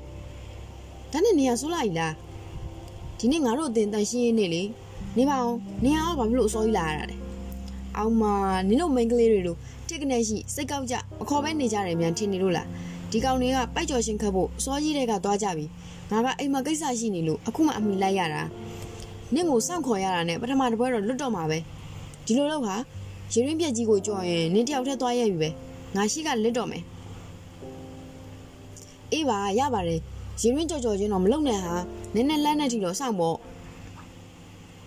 တကယ်တော့ပိုက်ကြော်ချင်းပွဲလွတ်သွားမှဆိုတဲ့ကိစ္စတခုလည်းမဟုတ်ဆိုချစ်ကချင်းခတ်ချင်းခတ်တာကိုဟိုကောင်တွေလောက်တဲကြီးမဲကြီးဝါသနာပါခြင်းမရှိသူငယ်ချင်းတွေလှုပ်လို့လိုက်လှုပ်ချင်းသာဖြစ်၏သူတကယ်ဝါသနာပါတာကစားဖက်ချင်းသာဖြစ်၏သူကခင်မေတင်းနဲ့နှစ်ယောက်တည်းတွဲပြီး ကြောင်းထဲမဝင်လို့ချင်းသာဖြစ်၏ဘာရတော့မဟုတ်ဒီလိုတွဲသွားရတာရှက်စရာကောင်းသည်ဟုထင်သည်ခင်မေတင်းနင့်ခုဆိုရင်ငါနင့်ကိုကူညီလိုက်တဲ့အတွက်ငါကျေးဇူးနင့်ပေါ်တင်သွားပြီနော်အောင်မယ်ဘာမှလည်းလုပ်ပေးရတာမဟုတ်ဘဲနဲ့အတူတူလမ်းလျှောက်ရုံလေးပဲဟာပြီးတော့ကျောင်းသားကျောင်းသူချင်းချင်းကူညီတာကိုကျေးဇူးရှင်လုပ်ချင်သေးလို့လားဘာမှမဟုတ်တော့ဘူးဆိုရင်လည်းလင်မသားတယောက်တည်းသွားတော့လေကဲပါဟာကျေးဇူးတင်ပါတယ်ကျေးဇူးရှင်ရဲ့ ခင်မေတင်းကခက်ငုံငေါ်ပြောရင်းမျက်စောင်းထိုးသည်ခင်မေတင်းသည်သူ့ကိုဒီလိုပုံစံမျိုးဖြင့်ခဏခဏမျက်စောင်းထိုးလေးရှိ၏ထိုခါမျိုးတွင်ဆိုးချစ်မနေတတ်အဲ့လိုအကြည့်မျိုးလဲသူမကြိုက်ဒါတွေကြောင့်လဲခင်မေတင်းနဲ့ကျောင်းနဲ့နှစ်ယောက်တည်းတွဲမဝင်လို့ခြင်းဖြစ်နိုင်၏ကဲဟုတ်ပြီငါကျေးဇူးနင့်ပေါ်တင်နေပြီဆိုတော့ငါကတနည်းနည်းနဲ့ကြည့်အောင်ဆက်ရတော့မယ်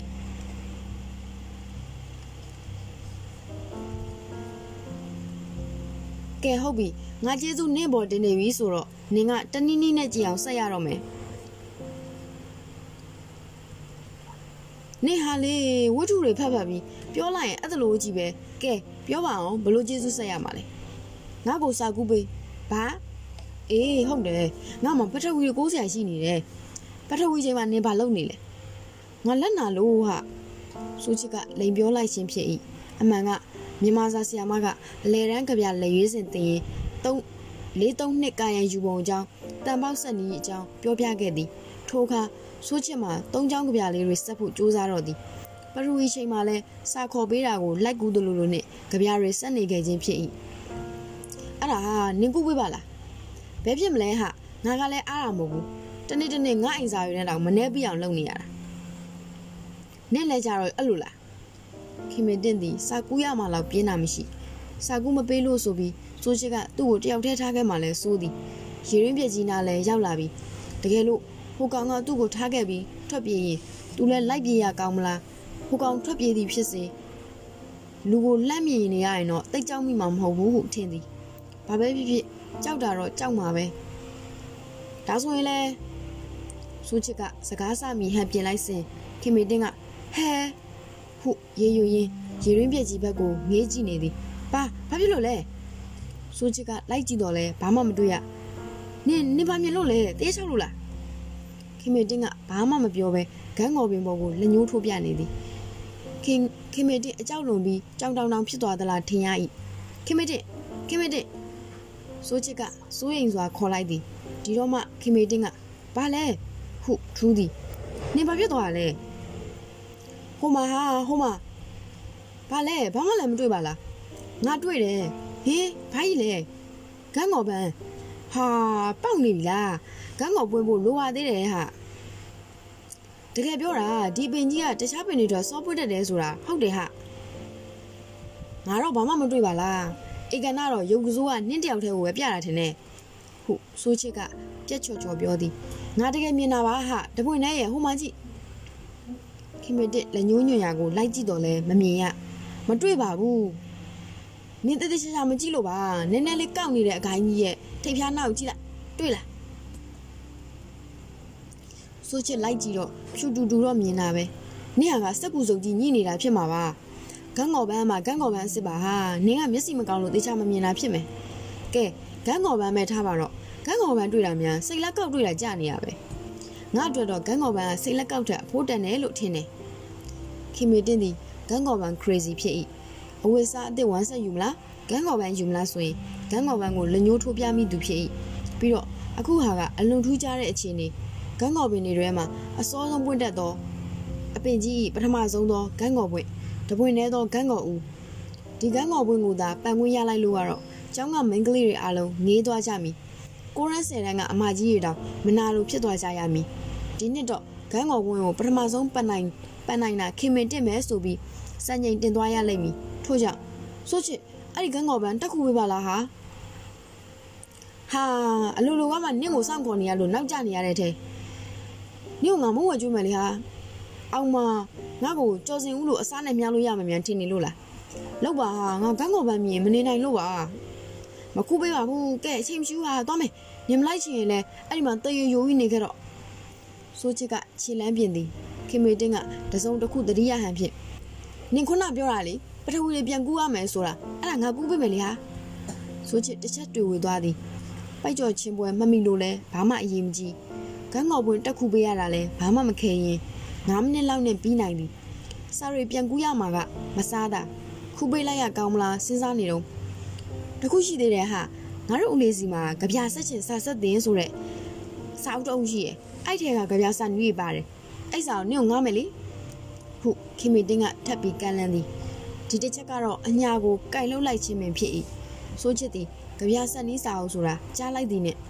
နင်းနင်းတကယ်ပြောရလားဟုဦးရဖားရမေးမိသည်တကယ်ပေါ့ဟာနင်းဆိုပြီးစကားဆက်ဖို့ခက်နေသည်သူတို့ယောက်ျားလေးချင်းချင်းဆိုရင်မင်းယောက်ျားနော်ဟုဂရီကိုအတီးပြုလေးရှိ၏အခုကျတော့နင်မိန်းမနော်ဆိုပြီးပြောလို့မရထို့ကြောင့်နင်ဂရီနော်အေးပါဟာကဲပါ မြန်ခုပေးစားမှာတန်ရှင်းရေးသွားဖို့နောက်ကျနေအောင်မယ်ဆိုချစ်ကနင်ငါ့ကိုဗတ်တာဆိုရင်တော့မလွယ်ဘူးနော်ဟုစိတ်မချသလိုပြောပြီးဂန်းငေါ်ပင်ပေါ်တက်သည်ဂန်းငေါ်ပွင့်နေသောနေရာကိုခင်မေတင်းကညွန်ပြပေးသည်ကွေးကောက်နေသောအကိုင်းကတိတ်မမြင်လားဆိုချစ်သည်ဂိုင်းပြားဘက်စီတို့ဖြက်လက်စွာကူးသွားသည်ခင်မေတင်ပြောတာအမှန်ပဲထူးခြားစွာကြီးမားလာတဲ့ဂန်းကောင်တပွင့်သည်အရွက်တေကြတဲ့ကထိုးထွက်နေသည်ဆိုချစ် အကိုင်းရှိရှိလေးပါအောင်ခုနော်ဆိုချစ်ကအေးပါဟုပြန်ပြောပြီးဂန်းကောင်ပန်းစီလက်လန်းသည်နည်းနည်းလိုနေသဖြင့်ခြေပြားထောက်လိုက်၏ဂန်းကောင်ပွန်းဂန်းကောင်ပွန်းစီထိမမီတော့လဲအကိုင်းပြားကိုလိန်ချိုး၍ခူးလို့ရသည်အကိုင်းကပြင်းပြင်းတွဲနေသဖြင့်စောင့်ဆွဲလိုက်သည်အရာမစွာပါနဲ့ဟာအပွင့်နာတော့မယ်ဟာဟာခင်မတင်စကားမဆုံးသေးစိုးချစ်က တစ်ကိုင်းကိုစောင့်ဆွဲဟန်ချက်ပြက်ပြီးအောက်ပြုတ်ကျသွားခြင်းဖြစ်၏သူတက်နေသောအကိုင်းကတိတ်မြင့်လာတာမဟုတ်တော့ကြောင့်တတ်တာသွားခြင်းဖြစ်၏စိုးချစ်စိုးချစ်ဘာဖြစ်သွားသေးလဲခင်မတင်ကစိုးရင်တကြီးအော်ဟင်ရင်ပြေးသွားသည်စိုးချစ်သည်လူးလဲထလာသည်သူ့လက်ထဲမှာဂန်းကော်ကိုင်းကိုကိုင်းရက်သားထိတ်ဖျားကဂန်းကော်ပွင့်ကလည်းကန်ကောင်းထောင်းမစွာမတိမခိုက်အထိခိုက်မရှိပကတိအတိုင်း ဘာမှမဖြစ်ပါဘူးဟာခုလိုဆိုတော့မြေကြီးပေါ်မမြက်ရောက်တာပေါ့ကဲရော့ဆိုချစ်ကဂန်းကော်ပွင့်ကိုလှမ်းပေးလိုက်သည်နင်းဘာမှဖြစ်ပါဘူးနော်ခင်မေတင်ထပ်မေးရင်ဂန်းကော်ပွင့်ကိုလှမ်းယူသည်ကျင်းနဲ့ပျော်ရွှင်စွာငုံနှမ်းမိပြုပြီးနောက်အံ့ဩသွား၏ထူးဆန်းလိုက်တာဂန်းကော်ပွင့်ရဲ့ပွင့်ချက်ပေါ်မှာအနိစ္စကလေးတွေတည်တည်ချာချာကြည့်လိုက်တော့မှအနိစ္စများမှာပင်ကိုပါလာတော့အဆက်ပြောက်များမဟုတ်ဟဲတွေးတွေခင်မေတွေ့ကြောက်လန့်တကြားမော့ကြည့်သည် ထိုသွေးဆက်များသည်စိုးချစ်၏မေးပြားရှိဒဏ်ရာမှလွတ်စင်ထွက်ကြလာခြင်းပင်ဖြစ်၏စိုးချစ်သည်မေးပြားကဒဏ်ရာကြောင့်ရောအနာရှိန်နှင့်အဖျားဝင်လာတာကြောင့်ရောကြောင်းသုံးရက်ပြတ်သွားသည်ခင်မေတွင်းကတော့ဂတိတီပါသည်တီယုံမကလွန်တောင်လွန်သွားသေးသည်အစတုန်းကပထဝီတစ်ပါးသာတည်းသာကူးပေးဖို့ဂတိပြုခဲ့တာခုတော့ကြောင်းပြက်ရတာ၃ရက်စလုံးအတွက်တခြားဘာသာတွေပါကူးပေးရှာသည်ပြီးတော့ကြပြရေးချင်းစာဆက်တင်စာအုပ်ကိုလည်းတကယ်ပင်ယူလာပေးသည် ထို၃ရက်အတွင်းသေချာချာဖတ်ပြီးလေ့လာလိုက်သောအခါကြပြဆက်နီးတွေကိုပို၍နားလည်သဘောပေါက်လာရ၏နောက်တစ်ချိန်ငါကြပြဆရာကြီးဖြစ်လာရင်နင့်ကျေးဇူးလည်းပါတယ်လို့ပြောရမှာပဲဟုဆိုချစ်ကကျေးဇူးတင်စကားပြောသည်ခင်မေတင်းကဆိုချစ်တို့အိမ်ကိုဒီရက်တွေတွင်ရောက်ရောက်လာသည်ဆိုချစ်အတွက်ကြက်သားမြူစွမ်းပြုတ်တို့ကျဲဥပူတင်းတို့ယူလာတတ်သည်စိုးချစ်ကမလာစေခြင်းနေပါစေဟာငါတို့အမေကလည်းနေတိုင်းစံပြုတ်ပြုတ်ပေးတာပဲ အမားတို့ကလည်းငါစားချင်တာလုပ်ပေးပါတယ်ဟာဟုတ်တားမြစ်စကားဆိုသည်ခင်မေတင်းကမလာလို့မရဘူးဟာအမေကကိုကြောင့်ဖြစ်တာကိုမှတရင်မေးဖို့တာဝန်ရှိတယ်ဆိုပြီးလာခိုင်းတာဟာနင့်မေကလာခိုင်းလို့သာလာရတာပေါ့နင်ကမလာချင်ဘူးပေါ့ဟုတ်လားဟုတ်စိုးချစ်စီရောက်နေတော့မင်းတီဟာကပြောသည်ခင်မေတင်းကဒီလိုမပြောပါနဲ့ဟာငါကလည်းစေတနာရှိပါတယ်ဒါကြောင့်ဒီနေ့ကျုပ်ပူတင်ကိုငါကိုယ်တိုင်ပေါင်းလာတာပေါ့ ထိုးကကြော်စင်ဦးကဟာဟုတ်လားကောင်းတာပေါ့ငါတို့လည်းစားရတာပေါ့အေးကွာဂန်းကော်ပန်လေးတပွင့်ခူးပိတ်ယုံနဲ့တော်တော်စားတာတာပဲဒီမှာဟေ့ကရုံးမဘာပြောလဲအဲခင်မတင်နောက်တစ်ခါဂန်းကော်ပန်လိုချင်ငါ့ကိုပြောသိလားငါတက်ခုပေးမယ်တကယ်လို့အပင်မော်ကပြုတ်ကြပြီးဒဏ်ရာရခဲ့ရင်အဲငါကမြူးစွာတော့မကြိုက်ဘူးကြက်သားကြော်ပြီးလာဖို့ဟာဟုမင်းတရားကဝင်နောက်တော့ခင်မင်းတင်းကနင့်ကြရင်တော့အမဲရိုးပဲရမယ်ဟုပြန်ပတ်သည် သူ့ကိုဂရိမ်းသူ့ကိုကရုံးမဟုခေါ်လိုက်ခေါ်လိုက်တော့ကြောင့်စိတ်ခုသွားတာလဲပါသည်ခင်မင်းတင်းသည်ငေကအလွန်ညစ်ပတ်သည်ခေါင်းလဲမှန်မှန်မလျှော်သဖြင့်တန်းတွေအလွန်ထူသည်နောက်တော့အနာတွေပေါက်လာသဖြင့်ကရုံးတုံးလိုက်ရသည်ထိုခါမှစ၍သူ့ကိုကရုံးမဟုစားကြခြင်းဖြစ်၏ဒီလိုခေါ်ရင်သူကအလွန်စိတ်ဆိုးတတ်သည်မင်းတီဟာကမျက်စာပြစ်ပြလိုက်သည်ကျော်စင်ဦးကခေါင်းငိမ့်ပြပြီးပူတင်းထက်လာသောကြိုင်ကိုယူပြီးဖွင့်ကြည့်သည် အနံ့ကိုရှူကြည့်ပြီးဟာမှုေးနေတာပဲနင်းကတော်တော်တော်တာပဲအောင်မဲတဲလဲစစ်ဆက်ပါလားဇွန်းမာတခါတည်းထည့်ယူလာတယ်အတော်ပဲဆိုပြီးဇွန်းကိုကင်လိုက်သည်ခင်မေတင်ကမလုပ်ပါနဲ့ဟာလူမမာစားဖို့ယူလာတာအောင်မလူမမာတဲ့ဟီဟီကြည့်ပါအောင်လူမမာရုပ်ကိုမင်းတီဟာကဝင်နောက်လိုက်ပြန်သည်စိုးချစ်မှာရီရမလို့တီးရမလို့ဖြစ်နေ၏ခင်မင်းတင်းကခုလိုဂူးဆိုင်နေတာကို သူကမနေတတ်မထိုင်တတ်ဖြစ်နေ၏ထို့ကြောင့်မင်းတီဟာကိုမျက်မှောင်ကျုပ်ပြလိုက်သည်ကျော်စင်ဦးကတော့တော်တော်စားလို့ကောင်းပါပဲဆိုပြီးပူတင်းကိုတစွန်းခတ်လိုက်သည်ခင်မင်းတင်းကဇွန်းကိုလှမ်းလူတော့မိပုံနဲ့ကျော်စင်ဦးအဲ့လိုမလုပ်နဲ့ဟာနင်းကလည်းတွန့်တိုလိုက်တာစားပါလေဟာငါတိတ်မစားချင်ပါဘူးဟုဆိုးချစ်ကဝင်ပြောရခင်မေတင်မကြည်မနှက်ဖြစ်ပြီးဘာနင်ကမစားချင်ဘူးဟုတ်လားမစားချင်လွန့်ပလိုက်ဟာပိတ်ဆိုပြီးပူတင်းချိုင်ကိုလှမ်းလူသည် ကျော်စင်ဦးကရှောင်လိုက်ပြီးနှမျောစရာကြီးဟာမလုပ်ပါနဲ့ငါတို့ပဲစားလိုက်ပါမယ်ငါကစားစီချင်လို့အပင်မခံလောက်လာတဲ့ဟာဟုစောက်စောက်အောင်အောင်ပြောသည်ကျော်စင်ဦးကအေးပါအဲ့ဒါကြောင့်စားမယ်လို့ပြောတာပေါ့နင်တို့စားဖို့ပြောတာမဟုတ်ဘူးဟုអော်လိုက်သည်ကဲပါ तू ကစေတနာနဲ့လောက်လာတာစိုးချစ်ကလည်းနည်းနည်းဖြစ်ဖြစ်တော့စားလိုက်ပေါ့ကျန်တာကတော့ဟဲဟဲဒါဆိုစိုးချစ်ရင်စားဟုခင်မီတင်းကပြောသည် စိုးချစ်ကအင်းတင်းတင်းလုံနေသဖြင့်ကျော်စင်ဦးကစိုးချစ်ပါစနာတိတ်ပေးသည်စားလိုက်ပါဟာဒါနာလေးမြောက်သွားအောင်စားလေဟာဟုခင်မီတင်းကပါတိုက်တွန်းသဖြင့်စိုးချစ်ပါဇက်ဟပေးလိုက်ရသည်ဒီတော့မှခင်မီတင်းလည်းကျေနပ်ပြီးပြုံးပြုံးရွှင်ရွှင်ဖြစ်လာ၏စိုးချစ်ကတော့မပြုံးနိုင်ပါဇက်ထဲရောက်လာတော့ပူတင်းကိုမြုပ်ကြည့်လိုက်တော့မဲရှုံရှုံကြီးဖြစ်သွား၏ဟင်ဘာဖြစ်လို့လဲမကောင်းလားခင်မေတင်းကမေးသည်ဆိုချစ်က ဘလို့ကြီးလည်းမသိဘူးချိုလည်းမချိုဘူးတမျိုးကြီးဟုတ်ဘလုံးမထွေပြောသည်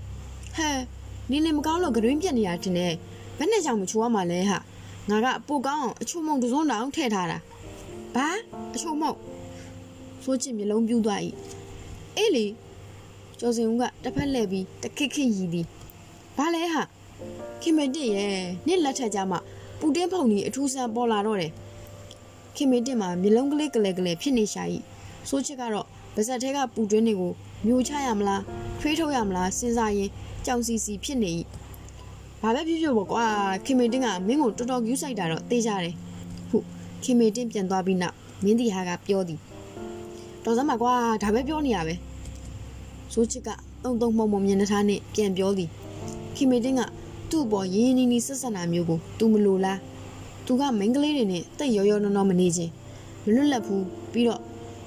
မိန်းကလေးတွေနဲ့စကားပြောရတာဘာမှလည်းမသိတော်ကြစိတ်ကောက်လိုက်တော်ကြရေးလိုက်မောလိုက်နဲ့ကြပြရေးချင်းရတာကပိုပြောစရာကောင်းတယ်ဟုထင်သည်ခင်မေတင်းကတော့စိုးချီဟာတခါတခါပေးကက်ကက်နဲ့တခါတခါကျတော့လဲရှက်တလူလိုဘာလူလိုတဘောကောင်းတလူလိုနဲ့ခင်မင်ဖို့တော့ကောင်းတာဟုယူဆမိလေသည်တကယ်လို့သူသာရုပ်ရှင်မင်းသမီးတယောက်ဖြစ်ခဲ့ရင်နာမည်ရှိမှဒေါ်တက်ပြီးခေါ်ရမယ့်အရွယ်မဟုတ်သေးဟုဆိုရမည် ရုံတယုံကအရာရှိဆိုရင်တော့ဒေါ်တက်ခေါ်ရမည့်အခြေအနေရှိ၏ခုတော့သူကကိုပိုင်ကုမ္ပဏီထောင်ထားသဖြင့်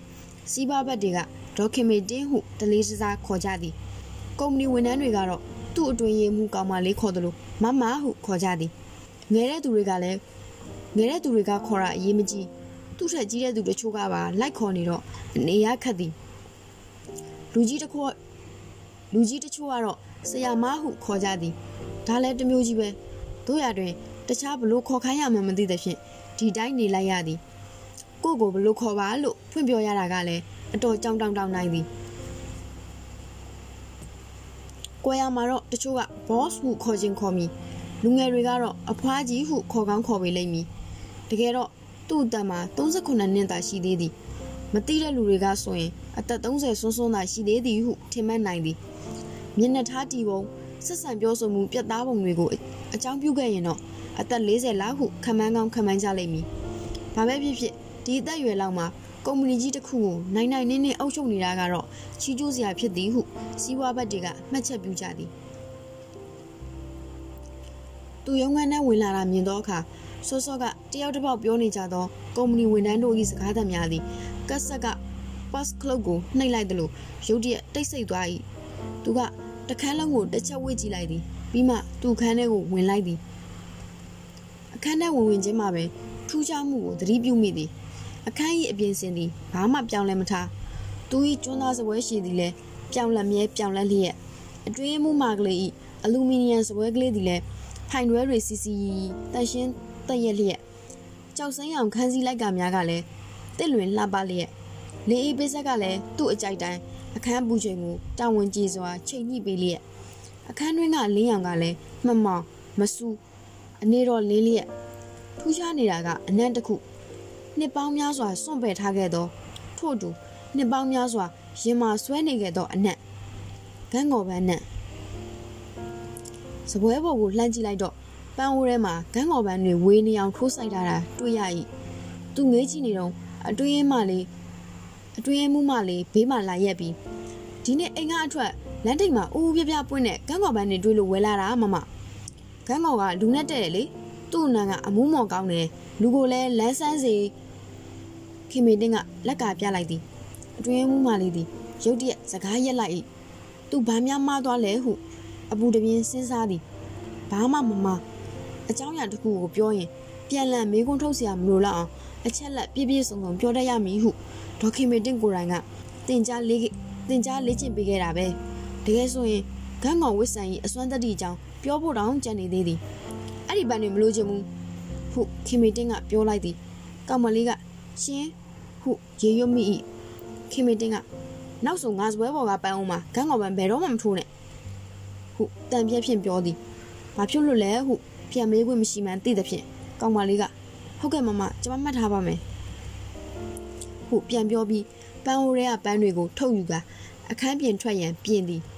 နေအောင်ခကောင်မလေးရက်လိုက်ပြီးဘာဘာလိတ်ဆိုတော့အကြည့်ဖြင့်ကြည့်သည်ခင်မေတင်းကစပွဲနားလျှောက်သွားပြီးပန်းအိုးဘေးမှာကြွေကြနေသောဂန်းကောင်ဖူးလေးတစ်ခုကိုလက်ညှိုးထိုးပြသည်ကောင်မလေးကကောက်ယူပြီးထွက်သွား၏ခင်မေတင်းကလထိုင်မှဝင်ထိုင်လိုက်သည်ဘာပန်းမှမကြံတော့သောပန်းအိုးအလွတ်ကိုငေးကြည့်နေသည်ပြီးမှ တစုံတစ်ခုတရိယဟန်ဖြင့်တကားစီထသွားသည်တကားအပေါ်ပိုင်းမှန်ကိုအတွင်းဘက်ကကာထားသောလက်ကာစားကိုဖယ်၍အပြင်ရုံးခန်းကိုချောင်းကြည့်လိုက်သည်ထင်ထားတဲ့အတိုင်းပဲဝန်နှန်းကောင်မလေးတွေအတွင်းမှုမှလေးလက်ထဲကဂန်းကော်ပန်းတွေဝိုင်းလူနေတာတွေ့ရသည်ငွေစင်းမှုအပြိုကြီးအပြိုကြီးမှကြီးတောင်မကြီးမငယ်နဲ့ပါလိုက်သေးသည် သူကတော့အကဲဆုံးဆိုနိုင်၏ခင်မေတင်သည် တကားကိုဖွင့်ပြီးအပြင်ထွက်ရက်လိုက်သည်သူ့ကိုမြင်လိုက်သောအခါဝန်နှန်းအလုံးတို့သည်ရုပ်သေးပြားကွက်တစ်ခုလိုရုပ်သေးပြားကွက်တစ်ခုလိုဖြစ်သွား၏တချို့ကဂန်းကော်ပန်းပန်ပြီးကစားတချို့ကခေါင်းမှာထိုးဖို့ဟန်ပြနေစေတချို့ကပန်ရကောင်းမလားမှတ်စုစာအုပ်ကြတဲ့ညက်ရကောင်းမလားဝေခွဲနေတော့ငွေစင်းမှုအပြိုကြီးကတော့လက်ထဲကဂန်းကော်ပန်းကိုအားရပါရနမ်းရှုပ်နေစေကဲအားလုံးနားထောင်ကြပါ တကယ်တော့အဲ့တလူတောင်အစာပြိုးနေစရာမလိုပါကဲဟုပြောလိုက်ယုံဖြင့်လုံလောက်သည်ဘာမှမပြောဘဲထွက်ရက်ပြလိုက်ရင်တောင်အလုံးတတိမစွဲယုံတမဲဖြစ်သွားကြတာပါပဲအလုံးတတိချာချာမှတ်ထားကြပါဒီရုံးခန်းထဲမှာဘယ်သူမှကန်းကော်ပန်းမပန်ပါနဲ့ယူလဲယူမလာပါနဲ့မလိုက်နိုင်ရင် bonus ဖြတ်မယ်ဒါပဲမျိုးသမီးဝန်ထမ်းအလုံးသည်ရင်းသမားတွေလိုတပြိုင်နက်တည်းလှုပ်ရှားသွားသည်ခေါင်းမှာပန်ထားသောပန်အန်ဆဲဆဲလက်မှာကင်ထားသော ဂန်းကော်ပန်းများကိုအနီးဆုံးဇပွဲတစ်ခုပေါ်သို့စုပုံတင်လိုက်ကြသည်အတွင်းမှုမာကလေးကပန်းတွေကိုယူပြီးအမိုက်ပုံးထဲထည့်သည်ငွေစင်းမှုသည်ဇပွဲပေါ်မှာကြကြနေသောကန်းကောင်ဝစ်ဆံများကိုလက်ဖြင့်တက်၍ယူပြီးအမိုက်ပုံးထဲလိုက်ထည့်သည်စရေးကလေးတယောက်ကအမိုက်ပုံးကိုရုံငန်းအပြင်သို့ယူသွားသည်သူ့စိတ်ထဲမှာတော့အတော်နှမျောနေမိ၏သူကကန်းကောင်နှစ်ပွင့်သုံးပွင့်လောက်တောင်းထားပြီးညနေကျရင်သူ့ကောင်မလေးကိုပေးမယ်လို့စိတ်ကူးထားတာကို အမှန်အားဖြင့်ဆိုရင်ပန်းပန်ခြင်းသည်လောက်ခွင်စည်းကနဲ့ဘာမှမဆိုင်ပန်းမပန်ရဟုအမိန်ထုတ်ခွင့်လည်းမရှိတချို့ဖြစ်တတ်သလိုပန်းဝတ်မုံကိုရှူမိရင်ပန်းနာရင်ကျယောကထတတ်တယ်လို့ဆိုရင်လဲထားတော့ခုဟာကဘာမှမဆိုင်ပြီးတော့ပါမစ်ပိတ်တာကလည်းတခြားပန်းတွေမပါဂန်းကော်ပန်းတစ်မျိုးတည်းဘာပဲဖြစ်ဖြစ်ဒီကုမ္ပဏီမှာတော့ခင်မေတင်နှုတ်ကထွက်သောစကားသည်စီကန်းချက်စီကန်းချက်တစ်ခုပဲအတွင်းမှုမှလေးသည် မျက်လုံးကလေးကလေးကလေးဖြစ်နေ၏မျက်နှာရမလားလို့လုံးမိတာအလုံးအငေါက်ခံရတဲ့အဖြစ်ရောက်ရသည်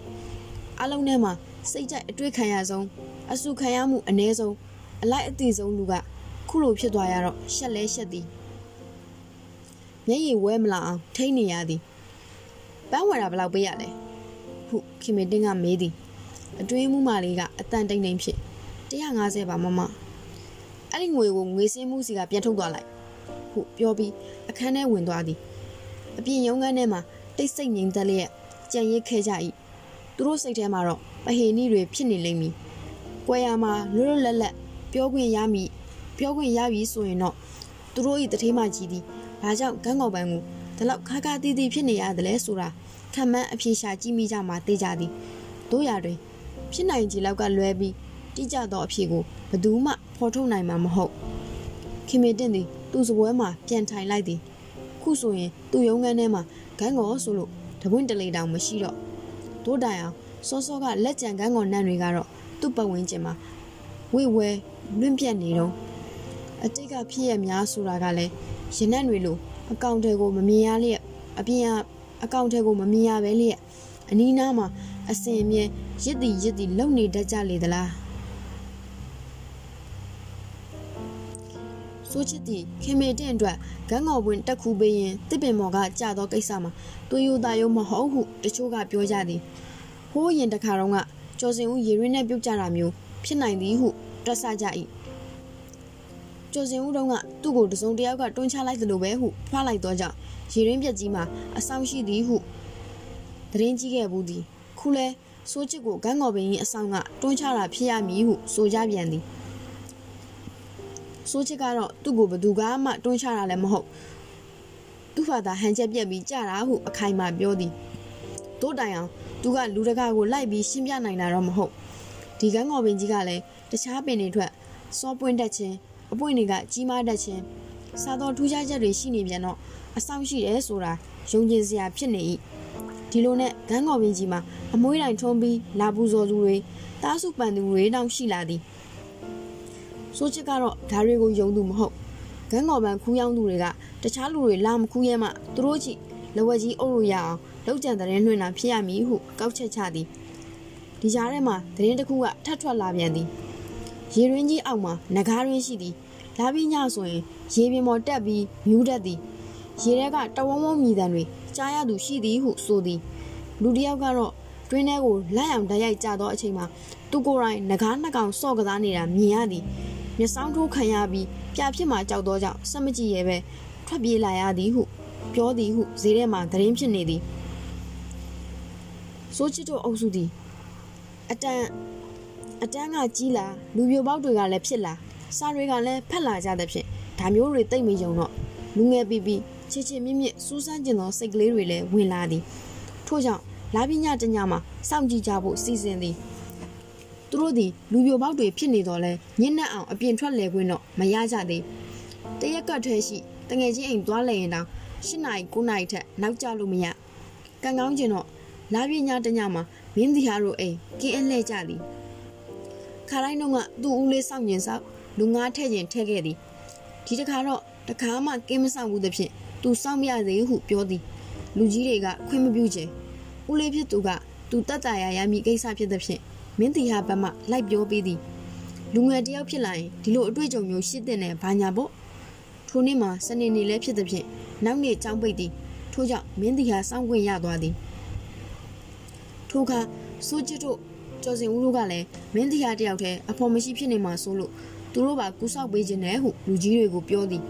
တခြားကာလာကာလာသားကြီးနှစ်ယောက်လည်းကင်းလဲကြသဖြင့်စိတ်မချစရာမရှိကြောင်းမရှိသောကြောင့်ခွင့်ပြုချက်ရသွားသည် သူတို့သည်လေးကွဓမြောင်တုတ်လက်နှိပ်ဓမီစသည်တို့ယူသွားကြသည်ညာဦးပိုင်းတွင်ကာလာသားကြီးတွေမဲဒလင်တီးပြီးတချင်းဆိုတာကိုနားထောင်ရင်းအိမ်ကယူသွားသောလက်ဖက်ပဲကြီးလော်ထညက်တို့ကိုစားကြသည်သူတို့လည်းဂီတယူလာပြီးတီးရင်ရသည်တို့ရတွင်သူတို့၏အဓိကယူရချက်ကတချင်းဆိုဖို့မဟုတ်သောကြောင့်ထားခဲ့ခြင်းဖြစ်၏လာအတော်ကလေးမြင့်လာသောအခါလုပ်ငန်းစားဖို့ပြင်သည်ကျွန်တော်တို့ဟိုနားဒီလာ ကျွန်တော်တို့ဟိုနားဒီနာကင်းလဲလိုက်အောင်မယ်ဟုပြောပြီးထွက်ခဲ့ကြ၏ဟဲ့ကောင်တွေကြောင်ကြိုကြောင်ရမဝင်နဲ့နော်ပြီးတော့လေးခွန်းနဲ့ဟိုပြစ်တီပြမလောက်ကြနဲ့အောင်ဟုမှားပြီးအသာတကြီးလွတ်လိုက်သည်သူတို့မှလည်းသူတို့ကြိုက်နေသောမိန်းကလေးတွေအကြောင်းအိယာဝင်ပုံပြင်တွေအကြောင်းပြောချင်တာတွေရှိနေ၏ဟိုကောင်လေးတွေရှိနေတော့ပြောရတာမလွတ်လပ်ထို့ကြောင့်စိုးချစ်တို့ကင်းလဲမဲဆိုတာကိုကြည်ကြည်နက်နက်ခွင့်ပြုလိုက်ခြင်းဖြစ်၏စိုးချစ်တို့လည်းလက်နက်အပြည့်စုံကိုင်းဆောင်ပြီးထွက်လာခဲ့ကြ၏ ရေရင်းပြက်ကြီးသည်ကင်းတဲ့နှင့်နင်းနဲ့လန်းသည်ထို့ကြောင့်သူတို့အတွက်လည်းလွတ်လွတ်လပ်လပ်စောင့်ကြည့်နိုင်သည်ဟဲ့ကောင်လေခုကလေးကမှားမယ်တခုခုထူးခြားတာတွေ့ရင်လန့်ဖြန်ပြီးထွက်မပြေးရဘူးနော်ဘာလဲဆိုတာတေးသေးချာချာဆုံးဖြတ်ချက်ချနိုင်အောင်စောင့်ကြည့်ရမယ်ဟုဆိုးချစ်ကပြောသည်ခုလိုပြောရတာကအကြောင်းရှိမင်းတီဟာလည်းမင်းတီဟာဒီပြဿနာမရှိကျော်စင်ဦးကပြောလို့မရဒီကောင်ကဟေးလာဝါလာလောက်တတ်တော်လဲဒါမျိုးတွေကိုနင်းနဲ့ယုံကျင်တယ်လို့ရှိသည် တငယ်ချင်းတွေလုတ်သမျှလိုက်လုတ်ချင်လို့သာခုကိစ္စကိုသဘောတူခဲ့ခြင်းဖြစ်၏သူ့ပုံစံကြည့်ရတာနင်းနဲ့တွန်းဆုပ်ဆုပ်ဖြစ်နေသည်ဟုဆိုချစ်ကထင်သည်ငါကတော့ဘာကောင်းဖြစ်ဖြစ်လေးခွားနဲ့ထုမှာပဲဟုကျော်စင်ဦးကပြောသည်ထိုအခါမင်းတီဟာကပြောသည်ထိုအခါကျော်စင်ဦးကလည်းငါလည်းမကြောက်ပါဘူးကွာမင်းတို့ကောင်ကြီးရှိသားပဲပြီးတော့ငါမှဓမြောင်ပါတယ်ကွာဟုဆိုသည်သူ့ဖေဤဓမြောင်ကိုခဏကစ်လာခဲ့ခြင်းဖြစ်၏ဓမြောင်ကအိမ်မပါသဖြင့် ဝချမ်းနှစ်ခုကိုပူးချီပြီးစွတ်ထားစွတ်ထဲထား၏ပြီးတော့ရုပ်ရှင်တွေကဇက်လိုက်တွေလိုခြေသလုံးမှာပတ်ချီထားသည်မင်းဟာကကွာအရေးအကြောင်းဆိုဓမြောင်ကိုကုန်းပြီးဆွဲထုတ်နေရမှာပေါ့ဟုမင်းတီဟာကဝေဖန်တော့မင်းဘာသိလဲကွာတမင်တကာဒီလိုလုပ်ထားတာဓမြောင်ကိုကုန်းပြီးထုတ်လိုက်တော့ရန်သူကလှမ်းပစ်တာကိုရှောင်ပြီးသားဖြစ်သွားတာပေါ့ပြီးတော့မှကိုကိုပြန်ဆိုင်ရင်ဓမြောင်နဲ့လှမ်းပစ်လိုက်တဲ့အခါအရှင်ပို့ပြင်းတယ်လေကွာဟုအရင်က သူ့ပဲဒီနီးနဲ့တိုက်ခိုက်ဘူးလို့လို့ပြန်ပြော၏ရေရင်းပြစ်ကြီးနာကိုရောက်တော့လာရောင်ကပေါင်ဤဘောင်ဤအတွင်းဘက်ကိုရှင်းလင်းစာပြုတ်နေပြီတိတ်ကြကြမဆောင်ရတော့ဘူးကွာဟုဆိုချစ်ကပြောသည်မြင်းဒီဟာကရေရင်းမောင်မော်တက်ထိုင်ပြီးပြုတ်သည်ကျော်စင်ဦးကအောက်မှာပဲထိုင်မှာကွာတော်ကြဆိုပြီးစကားမဆက်ပဲနေသည်မင်းတီဟာကရေရင်းဘေးမှာပြုတ်လုထားသောအုတ်ခုံဝိုင်းပေါ်မှာပဲဆင်းထိုင်လိုက်၏ဆိုချစ်က ရေရင်းထဲကိုတစ်ချက်ငုံကြည့်သည်ဘာမှမမြင်ရသေးဘူးကွာအောက်ဘက်မှာမှောင်းနေတယ်ခဏတော့စောင့်ရမှာပဲသူတို့သည်ရေရင်းဘောင်ကိုမှီပြီးထိုင်နေကြသည်ဆိုချစ်ကစကားကြဲကြဲမပြောဖို့သတိပေးထားသဖြင့်ခတ်တိုးတိုးသာပြောကြသည်ကျော်စင်ဦးမှာကနာမငိမ်ဟိုကြည့်ဒီကြည့်ရှောက်ကြည့်နေသည်လာကတော်တော်တာသည်အလေးရောင်ဖြာကျနေသဖြင့်ပတ်ဝန်းကျင်တစ်ခွင်လုံးကိုမြင်သာထင်သာရှိသည် လေတစ်ချက်ဝေသောအခါခန်းကောင်ရွက်တွေလှုပ်ခတ်ပြီးရှဲခနဲ့မြည်သွားသည်ကျော်စင်ဦးသည်ဆိုးချစ်ဘက်ကိုမတိမတာတိုးကပ်လိုက်သည်ခန်းကောင်ပင်စီမှလှုပ်ရှားတဲ့တစ်ခုကြားရသည်တိရွက်တွေဖလက်ဖလက်မြည်သွားသည်ကျော်စင်ဦးဟောဆိုပြီးခေါင်းထောင်သွားသည်ဆိုးချစ်ကလက်နှိပ်ဓမီနဲ့လှမ်းထိုးသည်တစ်ဆက်တည်းမှာပဲမင်းတီဟာကလေးခွားနဲ့ပြစ်လိုက်သည် နောက်စလုံးကတိရွက်တွေတိရွက်တွေကိုမောခနဲ့ဖြတ်တန်းသွားသည် ရှင်းပြမှာပါကွဟုဆိုးချစ်ကပြောသည်မင်းတီဟာဘာဖြစ်လို့လေးခွားနဲ့ထူရတာလဲဘာမှညာမှမသိပဲနဲ့ကျော်စင်ဦးကစိုးရိမ်တဲ့ဖြင့်ပြော၏ဟုတ်တယ်ကွအရင်မပြစ်နဲ့ဘာလဲဆိုတာတေချာအောင်ကြည့်ဖို့လိုတယ်ဟုဆိုးချစ်ကပြောသည်ကျော်စင်ဦးကတော့နည်းနည်းလန်းစာပြူလာပြီတိတ်ထူးမှမထင်ပါဘူးကွာပြန်အောင်နေပါအောင်ကွာစောင်းလက်စားနဲ့လိုက်အောင်ကတွင်းထဲကိုတော်တော်လေးတောင်မှဆင်းနေပြီခဏနေအပေါ်တက်တက်ရောက်တော့မှ အရေးထဲမှာခလန်းလန်းတနေရာမှာခွေးတကောင်ကထအူလိုက်သေးသည်ကျော်စင်ဦးကကင်းထဲကလူတွေစိတ်ပူနေလိမ့်မယ်ကွာငါတို့ထွက်လာတာနည်းနည်းကြာသွားပြီဟုထပ်ပြောပြန်သည်ဆိုချစ်ကသူ့စကားကိုဂူးမဆိုင်ပဲရေရင်းနဲ့ငုံကြည့်လိုက်သည်ပြီးတော့ရေမျက်နှာပြင်ပေါ်လိုက်အောင်ထိုးနေပြီကွာမင်းတီကလည်းငုံကြည့်ပြီးဟုတ်တယ်ဟုထောက်ခံသည်ပြောတာပြောတယ်ကျော်စီဦးမှလည်းမကြည့်ပဲလဲမနေနိုင်သဖြင့်တွင်းနဲ့ငုံကြည့်လိုက်သည်လိုက်အောင်ကရေပြင်ပေါ်တက်တက်ကျနေပြီး ဘာမှတော့မမြင်ရသေးငါချမ်းလာယူကွာဟုကျော်စင်ဦးကပြောပြန်သည်အမှန်မှာကြက်သိန်းထလာခြင်းသာဖြစ်၏ထိုခိုက်ရေရင်းထဲမှဘလုံဆိုသောအတန်ရေလောက်တန်ကြားလိုက်ရသည်ဟောဟောဟောသုံးယောက်စလုံးဂိုင်းတူရေရွတ်သည်မင်းတရားကအရင်ငုံကြည့်သည်ဘာမှမမြင်ရဆိုးချစ်လည်းမမြင်ရ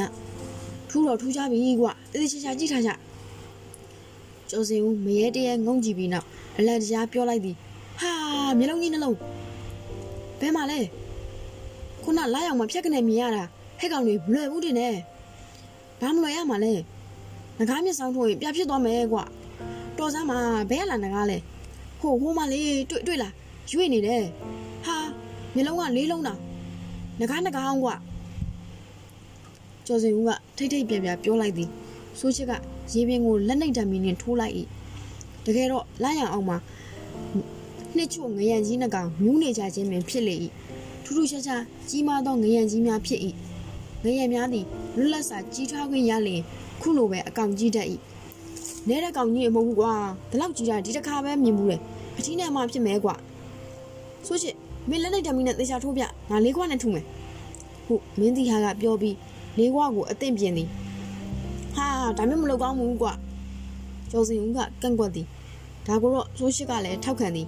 မဖြစ်ပါနဲ့ကွာသူတို့ဘာသာနေပါစေမင်းပြစ်လိုက်လို့တည်သွားတော့ရောငါတို့စင်းဆယ်လို့ရတာမှမဟုတ်ပဲကင်စားလိုက်ရရင်ဘလောက်ကောင်းမလဲမင်းဒီဟာကမချင်မရဲဖြစ်နေ၏ဘာပဲဖြစ်ဖြစ်သူတို့ဤရှာဖွေတွေးရှိမှုအတွက်တော့ဝမ်းသာမိကြသည်တခြားလူတွေကိုလည်းသူတို့ထင်နေသလိုငကားပေါ်ခြင်းမဟုတ် မယံကြီးများသာဖြစ်ကြောင်းရှင်းပြနိုင်သောကြောင့်ဂုံယူမိကြ၏ဒါတောင်တချို့မိမကြီးတွေကဒါဟာနှငါးကြီးတွေဖြစ်ရမယ်ဟုဆိုကြင်ကြသေးသည်ဆိုချစ်ကခင်မတင်ကိုဂန်းကော်ပန်းတက်ခုပေးသည့်ကိစ္စဂန်းကော်ပင်ပေါ်မှာပြုတ်ကျပြီးမေးစစ်ကွဲသွားသည့်ကိစ္စတို့ကိုဒဏ္ဍန်းလုံးသိကြသည်သူတို့တန်းထဲမှာအကျင့်တစ်ခုရှိသည်အတွဲတွေတွဲပေးတတ်ခြင်းဖြစ်၏ပုံစံချင်းတူတာဖြစ်စေလုံးဝစန့်ကျင်ဘက်နှင့်ဖြစ်စေတွဲပေးတတ်ခြင်းဖြစ်၏ အရက်လွန်ပူသောចောင်းသားနှင့်ចောင်းသူဒါမှမဟုတ်အပူဆုံးနှင့်အရှိဆုံးအသားလွန်မဲသူအချင်းချင်းအဝလွန်သူအချင်းချင်းတွဲပေးပြီးဝိုင်းစားကြခြင်းဖြစ်၏ဒီစင်းထဲမှာမင်းတီဟာကမင်းတီဟာနှင့်နမ်းမွေးတို့လည်းပါသည်မင်းတီဟာသည်အရက်ပူလာသည်ရောမဟုတ်ခက်ပြက်ပြက်ဟုပြောရင်တော့ရသည်စိုးချစ်တို့ကြော်စင်ဦးတို့နှင့်ရှင်လိုက်ရင်နည်းနည်းနှိမ့်နေသောကြောင့်ပူသည့်သဘောထင်ရခြင်းဖြစ်၏နမ်းမွေးကတော့မိန်းကလေးတွေထဲမှာတော်တော်အရက်ရှိသည်ဟုဆိုရမည် ကိုနေဟန်ထားကလည်းဂလန်ဂလာဖြောင်ဖြောင်တောင်းတောင်းကြီးဖြစ်နေတော့ဖြစ်နေတော့ကြောင့်ပိုရှိသည်ဟုထင်ရသည်သူကဝိုင်းဝိုင်းနှင့်တွဲဖက်ဖြစ်၏ဝိုင်းဝိုင်းနှင့်ကျော်စင်ဦးကအိမ်နီးနားချင်းကစားပေါ်ကစားဘက်ထို့ကြောင့်ကျော်စင်ဦးနှင့်တငယ်ချင်းများဖြစ်သောစိုးချစ်နှင့်မင်းတီဟာတို့သည်လည်းဝိုင်းဝိုင်းတို့နမ်းမွေးတို့နှင့်တဖွဲ့တည်းလိုဖြစ်နေ၏ဒီတစ်ခါမှာမင်းတီဟာကိုနမ်းမွေးနှင့်ဝိုင်းစားလေးရှိကြသည်နမ်းမွေးက သူ့လိုကြဘူးကိုစိတ်ကူးလိုက်တောင်မထည့်ဘူးဟုပြောသည်မင်းတီဟာကလည်းငါကလည်းသူ့လိုလောရှိကိုစိတ်ကူးမှန်းစားဓာတ်တိုင်ကြီးကိုပြေးဖက်လိုက်ချင်သေးတယ်ဟုပြန်ပြောသည်ဒီလိုပဲကျော်စင်ဦးနဲ့ဝိုင်းဝိုင်းကိုလည်းစကြသည်ဝိုင်းဝိုင်းကငါတို့ကမောင်နှမလိုနေတာဟုပြောသည်ကျော်စင်ဦးကတော့ယူသလိုလိုပေါ်သလိုလိုလုပ်ရင်းသူကသာတစ်ဖက်သက်ဖြစ်နေတာပါဆိုသဖြင့်ဝိုင်းဝိုင်းကကြောကိုထူသေးသည် သူတို့ထဲမှာတယောက်လဲဘက်ပတ်နေတာစိုးချစ်ဖြစ်၏သူ့ကိုဘယ်သူနဲ့စားရကောင်းမလဲကြံစီနေကြတော့မှပဲဂန်းကောင်ဝင်တက်ခုပေးသည့်ကိစ္စပေါ်လာခဲ့ခြင်းဖြစ်၏နောက်တစ်ကြောင်းကလည်းသတင်းကြွကြောင်းပရဲ့အတွင်းမှာစိုးချစ်တို့ဘွားနေမကောင်းဖြစ်သည်အဘွားကသူ့ကိုစိတ်မချသူမသေးခင်မြီးကိုရှင်ပြုတ်ပေးခြင်းသည်ဟုဆိုသည်ထို့ကြောင့်စိုးချစ်ကိုရင်ဝစ်သည်တိုက်တိုက်ဆန်ဆိုင်မှာပဲခင်မေတင်းတို့အဖေသည်ထိုရပိုင်းအတွင်းရုံးမှပြဿနာတစ်ခုတက်သည် သူများကြောက်တွန်းလို့အစစ်စစ်အမေးမြန်းခံနေရသည်ခင်မေတင်းအမေကဗီရင်သွားမေးတော့ဇာတာရှင်မအညံပိုင်းသို့ရောက်နေသည်ရရချေတဲ့အနေနဲ့သမီးကိုတီလက်ရှင်ဝစ်ပေးလိုက်ပါဟုဆို၏ထို့ကြောင့်တောင်းပြန်ဖွင့်သောအခါစိုးချေရောခင်မေတင်းမှာနှစ်ယောက်စလုံးကရုံးကလေးတွေနဲ့ဖြစ်နေ၏ထိုအခါသူတို့နှစ်ယောက်ကိုဝိုင်းပြီးစားဖို့နောက်ဖို့အခွင့်သာသွားလေတော့သည်ခုလိုအစားခံရတာကိုခင်မေတင်းကရှက်တလူလိုရှိတော်လဲခါခါတီးတီးမဟုတ် စားတဲ့နောက်တဲ့တငယ်ချင်းတွေကိုလက်သီးနဲ့ခပ်ဖွားဖွားလိုက်ထူယုံလောက်သာဖြစ်၏တခါတရံမှာတော့ခေါင်းငုံပြီးရှက်ပြုံးသာပြုံးနေတတ်သည်သူကိုယ်တိုင်ကိုကအစချင်းအစခံနေခြင်းလားမသိပါဘူးဟုဝိုင်းဝိုင်းကကြော်စင်ဦးကိုပြောပြသည်ဆိုချစ်ကတော့ဒီလိုမဟုတ်သူ့ကိုခင်မေတင်းနဲ့စားတဲ့အခါတိုင်းမျက်နှာကြီးတုံမှုံနေတတ်သည်တခါတလေကြရင်အဲ့ဒါမျိုးမစနိုင်ကွာငါမကြိုက်ဘူးဟုကြော်စင်ဦးတို့ကိုလေးတန်းမမထန်ထန်ပြောတတ်၏ သူ့ကိုအခုလိုစားနောက်တာကိုသူမကြိုက်သူဒီခင်မေတင်းပေါ်သူငယ်ချင်းတယောက်လိုသဘောထားသည်ဒီလိုကိစ္စမျိုးတွေကိုလည်းစိတ်မဝင်စားသူစိတ်ဝင်စားတာကကြပြစာရီဖတ်မယ်ကြပြရေးကျင်မယ်တက္ကသိုလ်ရောက်ရင်မြန်မာစာအဓိကယူမယ်ဘွဲရတော့တက္ကသိုလ်မှာဆရာပြန်လုပ်ရင်ကြပြတွေရေးမယ်နိုင်ငံကျော်ကြပြဆရာကြီးဖြစ်အောင်ကြိုးစားမယ်ဒါသူ့ရဲ့အဓိကရည်ရွယ်ချက်မေရီအောင်နဲ့မပတ်သက်ခင်အချိန်အထိပေါ့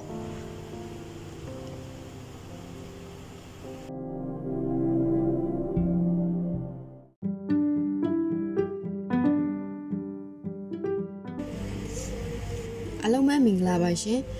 အခုဆရာမင်းလူရဲ့ဂန်းကော်နီးဆိုတဲ့ဝတ္ထုလေးရဲ့အပိုင်းသုံးကိုဆက်ပြီးဖတ်ပြပေးချင်လို့ပါရှင်မေရီအောင်ဒီကျောင်းမှာစတာဖြစ်၏ဖြစ်ရလောက်အောင်လဲရုပ်ကချောသည်အထူးသဖြင့်သူ့အသားရည်ကဝင်းဝါနေသည်တခြားကျောင်းသူတွေကြားထဲမှာသူကထင်းကနဲ့လင်းကနဲ့ပေါ်လွင်နေသည်ဒီကြားထဲအပြင်းစင်အခြေသားကလည်းကျွမ်းနေသည် ကျောင်းတိုင်းထမိန်ကိုသူများတွေလိုရိုးရိုးမဟုတ်ပဲတောက်ထည့်ပြီးဝတ်တော့ချက်ချက်ရရရှိပြီးကိုလုံးလာကိုပို၍ပေါ်လွင်စေသည်အရက်မောင်းကလည်းကောင်းသဖြင့်ပိုအချိုးပြေနေသည်ကျောင်းအုပ်ကြီးကျောင်းအုပ်ကြီးထုတ်ပြန်ထားသောစီကံများအရမင်းကလေးများကျောင်းလာရင်သပင်ကိုကြစ်ဆံပြီးကြစ်ချင်ကြစ်နောက်မှစုပြီးချီချင်ချီလာရမည်သပင်ဖားရချမလာရလက်သေးနီခြေသေးနီမဆိုးရနှုတ်ခမ်းနီမဆိုးရမိတ်ကပ်မလိမ့်ရ မရီအောင်ကဒီစည်းကမ်းတွေကိုလက်တလုံးချလှည့်ပြီးရအောင်လုပ်သည်မိတ်ကပ်ကိုမတိမတာပပလေးလိမ့်ပြီးတနခါဖြင့်ဖုံးလာသည်လက်သေးခြေသေးတွေကိုအယောင်မပါသောစိုးစေးတင်လာသည်ကော်ကြီးဖြစ်သဖြင့်မူလလက်သေးအယောင်တိုင်းပြောင်လက်တောက်ပနေသည်ညနေကျောင်းဆင်းပြီးဆိုသောအခါနောက်မှစုစည်းထားသောသပင်ကိုဖြီချလိုက်ပြီးဖားရဖြစ်သွားရောမျက်နှာပေါ်ကတနခါတွေကိုပုတ်တက်ပြီးလွယ်အိတ်ထဲမှအသင့်ပါလာသောခရင်ဘတ်ဖြင့်တိုးလိုက် နှုတ်ခမ်းကြီးဆိုးလိုက်သောအခါငကိုလှပြီးသားကနေပိုပြီးရုပ်ထွက်လာတော့သည်မရီအောင်နဲ့ခင်မေတင်သည်တမ်းခွဲခြင်းမတူတော့လဲရက်ွက်တူသဖြင့်ကျောင်းလာရင်အတူတွဲလာတတ်သည်ခင်မေတင်မှာတာမန်ရုပ်ရည်များသာရှိသူရှိသူဖြစ်ဖြစ်ရတဲ့အထက်မရီအောင်နဲ့တွဲမိသောအခါပို၍တိမ်မြုပ်သွားရရှာသည်သူ့ပုံစံကလည်းကြည်အောင်သူ့မေထမိန်တွေယူယူဝေရင်အကျင့်ပါသွားပြီးလေးတောင်ခွဲမှဝစ်တက်တော်သည် သူခန္ဓာကိုယ်ကတိတ်ဖွံ့ဖြိုးသေးတာမဟုတ်တော့လေးတောင်ခွဲဝစ်လိုက်သောအခါစောင့်ကြီးပတ်ထားသလိုပွာရောင်ရောင်ဖြစ်နေ၏ချစ်ချစ်ရရက်လည်းမရှိတော့ပဲခါတုတ်တုတ်ကြီးဖြစ်နေသည်စပင်းကလည်းကရုံးကနေပြန်ပေါက်ပြန်ပေါက်ခါစားဖြစ်သောကြောင့်တူနက်နက်ထိုးထိုးထောင်ထောင်ပုံမကြပန်းမကြသူကတနခါတွေမိတ်ကပ်တွေလိမ့်တာလဲဝါသနာမပါ အတမိုင်ဆီယာမကမင်းကလေးဆိုတာမျက်နှာပြောင်ကြီးနဲ့မနေရဘူးဆိုလို့သာကျောင်းကိုလာရင်မျက်နှာကိုတနခါပုတ်လာခြင်းဖြစ်၏ခုလိုတနခါမလိမ့်ပါမလိမ့်နေတတ်တဲ့အပြင်ကျမကြီးကချို့တဲ့ပြန်တော့အသားရည်ကညိုညစ်ညစ်ဖြစ်နေသေးသည်ခန္ဓာကိုယ်ကလည်းနည်းနည်းလှီးနေသည်ဒီတော့သူနဲ့မေရီအောင်တို့တွဲလျှောက်လာသောအခါတထေးသမီးနဲ့အဖော်လိုက်လာသောအိမ်မော်ကောင်မလေးလိုဖြစ်နေလေ၏ပြောတာပြောရတယ်နမ်းမွေးတို့ဝမ်ဝိုင်းတို့သည်လည်းတိတ်တော်မထူးလား နမ်းမွေးသည်အရက်ကြီးဂလန်ဂလာနှင့်ဖြစ်၏သူ့ရဲ့နှင့်ဆိုရင်ထမိန်ကတိုးနေသဖြင့်ကောက်ဆိုင်သမားနှင့်တူနေသည်တူနေသည်ဟုလူငယ်ချင်းတွေကစကြသည်ဝမ်ဝိုင်းကတော့ရုပ်ကလေးသနာကမရှိတော့လဲပိန်ကလွန်းသည်ထို့ကြောင့်သူ့ကိုပြပြဟုနောက်ပြောင်ပြီးခေါ်ကြခြင်းဖြစ်၏ဇီဝဗေဒဘာသာရက်မှာကပ်ပါကောင်တွေအကြောင်းပါလာသည်တုတ်ပြားကောင်တုတ်ကောင်မှာတန်ကောင်လိုအလုံးမဟုတ်ပဲခန္ဓာကိုယ်ပြားချက်ချက်ဖြစ်သည်အင်္ဂလိပ်လို တီနီယာဆိုလီယမ်ဟုခေါ်သည်ထို့ကြောင့်ဝိုင်းဝိုင်းကိုတီနီယာဟုအမည်သစ်ပေးလိုက်ကြလေသည်သူတို့နဲ့ရှင်ရင်မေရီအောင်ကရုပ်ရှင်မင်းသမီးလေးလိုဖြစ်နေ၏မေရီအောင်သည်သူ့နားမှာဝိုင်းဝိုင်းလဲနေတော့လဲဇလန်းဇလန်းရှုပ်တတ်သူမဟုတ်သူကိုယ်သူလှမှန်းသည့်သဖြင့်ပိုပြီးလှအောင်နေခဲ့ခြင်းသာဖြစ်၏သူကမာနာလည်းမကြည့်တတ်သဘောကောင်းသည်ပွင့်လင်းသည်ဘယ် သူကိုမဆိုဖော်ဖော်ရွရွဆက်ဆံတတ်သည်ဆိုချင်းနှင်းကတန်းခွဲမတူသဖြင့်ငကိုကတိတ်မရင်းနီးလနိုင်ရကဆာလောင်လောက်ကြတော့မှပတ်သက်မိခြင်းဖြစ်၏ကျောင်းနိုင်ရကဆာလောင်ကိုဦးစီးပြီးလှုပ်ဖို့ဆိုချစ်တာဝန်ကြသည်သူကစာရီကဗျာရီဝါဒနာပါကြောင်းမြမဆရာမကတည်တဲ့ဖြင့်တာဝန်ပေးခြင်းဖြစ်၏ဆိုချစ်လုပ်သောအလုပ်ဖြစ်တဲ့ဖြင့်ကျော်စင်ဦးနှင့်မင်းတီဟာတို့အလိုလျောက်ပါလာသည်ကျော်စင်ဦးပါတဲ့ဖြင့်ဝိုင်းဝိုင်းပါလာသည်ထိုအခါ နမ်းမွေးလဲတွဲလျက်လိုက်ပါလာသည်ဆိုချစ်ကခင်မေတင့်ကိုတော့မခေါ်ပါဂရုံးကိစ္စနဲ့ပတ်သက်ပြီးသူတို့နှစ်ယောက်ကိုဝိုင်းစားတာခံရပြီးကြတဲ့ကခင်မေတင့်ကိုသူရှောင်ဖဲဖဲလုံနေခဲ့သည်မလုံလို့လည်းမဖြစ်ရင်းရင်းနှီးနှီးနေမိလို့အကြောင်းတစ်ခုခုစိုက်လာတာနဲ့အနှောင်သွားမလို့သောစကားတွေအပြောခံရတော့တာအပြောခံရတော့တာပဲမဟုတ်လားတို့ရတွင်ခင်မေတင့်သည်နာယကဆာလောင်လောက်ကန်ရသို့မရီအောင်နှင့်ကပ်ပြီးပါလာသည် မရီအောင်ကိုခေါ်ရတဲ့အကြောင်းကတော့နာယကစာဆောင်မှာအင်္ဂလိပ်ကဏ္ဍပါသည်။ကျောင်းသားကျောင်းသူအများစုကအင်္ဂလိပ်လိုလက်ရေးမလာကြ။ထို့ကြောင့်အင်္ဂလိပ်လိုလက်ရေးလာသူတယောက်လိုချင်ကြောင်းအင်္ဂလိပ်ဆရာအင်္ဂလိပ်စာဆရာမကိုတောင်းတော့မရီအောင်ကိုကူညီဖို့ဆိုပြီးပါလာသည်။မိန်းကလေးတွေထဲမှာတော့ဝမ်ဝိုင်းကလက်ရေးလာသည်။သူနဲ့တခြားမိန်းကလေး၃ယောက်ကနယံကစာဆောင်လုံးမိကြပြားဖြူကြီးတွေပေါ်မှာကြပြားတွေစောင်းမတွေဝတ္ထုတွေကူးရေးပေးရသည်။ နမ်းမွေးသည်ပြီးခဲ့သောနွေရသည်ကပကြီးတင်နှန်းတက်ဖူးသည်ဖြင့်မတောက်တစ်ခေါက်ဆွဲတတ်သည်သူ့ကိုတရုတ်ဖော်ပုံတချို့ဆွဲခိုင်းရသည်ကျော်စင်ဦးကလက်ရေးစလုံးဒီဇိုင်းရသဖြင့်ခေါင်းစည်းစာတန်းရေးသည်မင်းသည်ဟာကကာတွန်းနည်းနည်းပါးပါးဆွဲနိုင်သည်ခင်မေတင်တယောက်သာတိတ်အသုံးမတည့်ခြင်းဖြစ်၏သူကလက်ရေးလဲတော်တော်ညံ့သည်တက်ရက်မှုလည်းမရှိငါဘာလုပ်ပေးရမလဲဟုခင်မေတင်ကမေးသည်ဆိုချစ်က ဘာမှလုပ်မပေးနဲ့ဟုပြန်ပြောသဖြင့်မျက်နှာကြီးစူပုတ်ပြီးတနေရာမှာငုတ်တုတ်ထိုင်နေသည်ကျော်စင်ဦးကတနာသဖြင့်ကြပြာတပုတ်ခေါ်ကူးခိုင်းသည်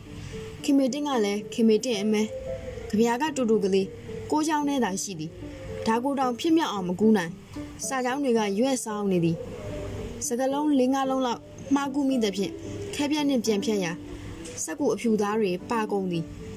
ကူးပြီးသွားတော့မတက်မရက်နဲ့ဘလို့မှကြည့်မကောင်းဒါကိုစိုးချစ်မြင်သွားတော့ငါပြောတယ်မဟုတ်လားမလုပ်ပါနဲ့ဆိုတာခုတော့ပြည့်ရကုန်ပြီကြီးစမ်းဆိုပြီးတပြစ်တောက်တောက်ပြောနေ၏သူပြောတာကလည်းမှန်သည်နိုင်ရန်ကစာတောင်းဆိုတာကလက်မ20 30ရှိသောဂတ်ထုပြားကြီးတွေပေါ်မှာတခါတည်းအချောရေးရခြင်းဖြစ်၏အမားယွင်ဖြစ်သွားရင် ပြန်ပြင်ရခတ်သည်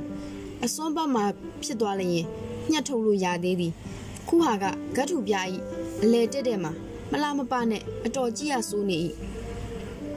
ငါကမြ мян ပြီးအောင်ဝင်ကူညီတာပါဟာခင်မေတင်းကစောရကတက်သည်စိုးချစ်ကကူညီတာမဟုတ်ဘူးဒါဖြက်စီးတာ ခင်မေတင်သည်ဟိုရင်ကသာဆိုရင်စိုးချစ်ကိုကက်ကက်လန်အောင်ပြန်ပြောခြင်းပြောမိမိခုနောက်ပိုင်းကျတော့ဘာကြောင့်မှမသိစိုးချစ်ကိုအလျှော့ကြီးပေးခြင်းတလို့ဖြစ်နေ၏ခုလိုလူကြားသူကြားထဲမှာအငေါက်ခံလိုက်ရတော့ကြောင့် ဝဲနေပြီးမျက်ရည်ဝဲခြင်းလာမိ၏ဒါကိုမြင်တော့ဝိုင်းဝိုင်းကသူ့အတွက်မခံနိုင်ဖြစ်သွားပြီးစိုးချစ်နင်တလောက်လည်းပြောစရာမလိုပါဘူးဒီကပြားတွေကလည်းနင်ပိုင်တဲ့ပစ္စည်းတွေမဟုတ်ဘူးဟုရန်တွေးလိုက်သည်ငါပစ္စည်းမဟုတ်ပေမဲ့ကျောင်းကပိုင်တဲ့ပစ္စည်းပဲကိုယ့်ပစ္စည်းလို့တမိုးထားရမှာပေါ့တိတ်ကြီးကျယ်မနေနဲ့ကျော်စင်ဦးမှာခင်မေတင်ကိုသူကခိုင်းငယ်ချင်းဖြစ်တော့ကြောင့်အကာအကွယ်ယူသည့်အနေနဲ့ ဆိုးချေကဒါကျောင်းနိုင်ရင်ကက်ဆာအောင်လုပ်နေတာပါကွာမဂဇင်းကြီးတစ်စောင်ထုတ်နေတာမဟုတ်ပါဘူးတိတ်တိတ်ရနေစရာမလိုပါဘူးဟုဝင်ပြောသည်ငါအဖို့တော့နေရန်ကက်ဆာဆောင်လည်းအရေးကြီးတာပဲပြီးတော့ဒါဟာကြပြားကွာကြပြားဆိုတာခန်းစားချက်နဲ့ရင်းပြီးမှရေးလို့ရတာပေါ့ပေါ့ဆဆသဘောထားလို့မရဘူးနမ်းမွေးကလေလုံးထွက်လိုက်တာဟုခတိုးတိုးရေယူရင်းမဲ့ရွဲလိုက်သည်ခလန်းလန်းကဇပွဲမှာစာကူးရင်းနားဆွင့်နေသောမရီအောင်ကတော့စိုးချီဤစကားကိုထောက်ခံဟန်ဖြင့် ခေါင်းတငိမ့်ငိမ့်လုံနေသည်ကဲပါကွာအဆင်ပြေအောင်ငါကြည့်လုပ်လိုက်ပါမယ်စိုးချစ်ကလည်းဂရုံချင်းချင်းရိုင်းပေးမှာပေါ့မင်းတရားကနောက်ပြောင်ရင်ဝင်၍ဖြန့်ဖြေလိုက်၏ထို့နောက်ခင်မတင်ကူးရထားသောကြပြဤဘေးပပတ်လေကိုဘောင်ခတ်လိုက်ပြီးစေးနှက်ဖြင့်အပေါ်ကဖုံး၍တုတ်လိုက်၏ဟာမင်းဘာလုပ်တာလဲဆိုးချစ်ကပြူးပြူးပြပြမေးသဖြင့်ဒီအပေါ်မှာအဖြူရောင်နဲ့ကာတွန်းတစ်ပုံဆွဲလိုက်မယ်လေကွာ အနက်အောက်ခံပေါ်မှာအဖြူနဲ့ဘဲကောင်းမလဲစာကြက်နေမီးပြတ်သွားတဲ့အကြောင်းဆွဲမယ်လေဒါဆိုပိုတောင်းတဘာဝကျသွားသေးတယ်ဆိုးချစ်တစ်ခုခုထပ်ပြောမိပြူးစေမရီယောင်ကဆိုးချစ်ခဏလောက်လာပါဦးဒီမှာမေးစရာရှိလို့ဟုခေါ်တဲ့ဖြင့်တွားလိုက်ရသည်အမှန်မှာမရီယောင်ကစကားနဲ့ရန်ဆဲဖြစ်အောင်လုံးလိုက်ခြင်းဖြစ်၏ခင်မတင်ကတော့မကြည့်နဲ့လူကိုသူ့တပည့်များမှတ်နေတာမသိဘူးငေါ့လိုက်နန်းလိုက်နဲ့ဟွန်းငယ်တော့ကသူနေမကောင်းလို့ ငါစာကူးပေးရတာကြတော့လက်ရင်မလာဘူးလို့မပြောဘူးဟုတ်ဆိုသည်ထိုကကြော်စင်ဦးကအေးလေအဲ့တုန်းကအချုံမုတ်ပူတင်လှုပ်ကြွေးတဲ့ကျေးဇူးတောင်မထောက်ဘူးနင်တော့ကြော်စင်ဦးစိတ်တို့ရတဲ့အထက်လာမစားနဲ့ခင်မီတင်အတန်ကျဲသွားသဖြင့်စိုးချစ်ကမျက်နှာထားကြီးနဲ့လှမ်းကြည့်သေးသည်နောက်ဆုံးတော့ခင်မီတင်သည်သူနဲ့လိုက်ဖက်စုံအလုပ်တစ်ခုကိုရသွားသည်စာကူးတဲ့လူတွေအဆင်ပြေအောင်ဂတ်ထုဖျားတွေပေါ်ဂတ်ထုဖျားတွေပေါ်မှာမြင်းသားပေးရခြင်းဖြစ်၏ ဒါတောင်စင်လုံးချောမဖြစ်တစ်ချက်တစ်ချက်မှာလိုင်းအစစ်အစိတ်ကျဲမညီတာတို့စောင်းရွက်သွားတာတို့ဖြစ်ရှင်သေးသည်မရီအောင်ကတော့ခင်မီတင်းနဲ့ရှင်ရင်စန့်ကျင်ဘန်းဟုဆိုရမည်သူ၏အင်္ဂလိပ်စာလက်ရေးကအလွန်လှသည်စလုံးတစ်လုံးချင်းကိုညီညီညာညာတက်တက်ရရရေးထားသည် အမားရွယ်မရှိသလောက်ပင်ဖြစ်၏မရှင်းလင်းတာရှိရင်စိုးချစ်ကိုလှမ်းခေါ်ပြီးမေးတတ်သည်နိုင်ရကဆာတောင်ကိုကျောင်းပရက်မှာလှုပ်ချင်းဖြစ်သောကြောင့် ကျောင်းဝတ်စုံဝတ်စရာမလိုကျောင်းစည်းကမ်းတွေကိုလည်းတိတိကျကျလိုက်နာနေစရာမလိုထို့ကြောင့်မေရီယောင်သည်ပြင်ဆင်ခြေတလာနိုင်သည်သပင်ကိုဖြန့်ပြီးဖားရချထားသည်မျက်နှာမှာမိတ်ကပ်မိတ်ကပ်အဖုံဖုံနှုတ်ခမ်းမှာပန်းနူရောင်ပါပါဆိုးထားသည်လက်သေးကနှုတ်ခမ်းနှင့်တရောင်နဲ့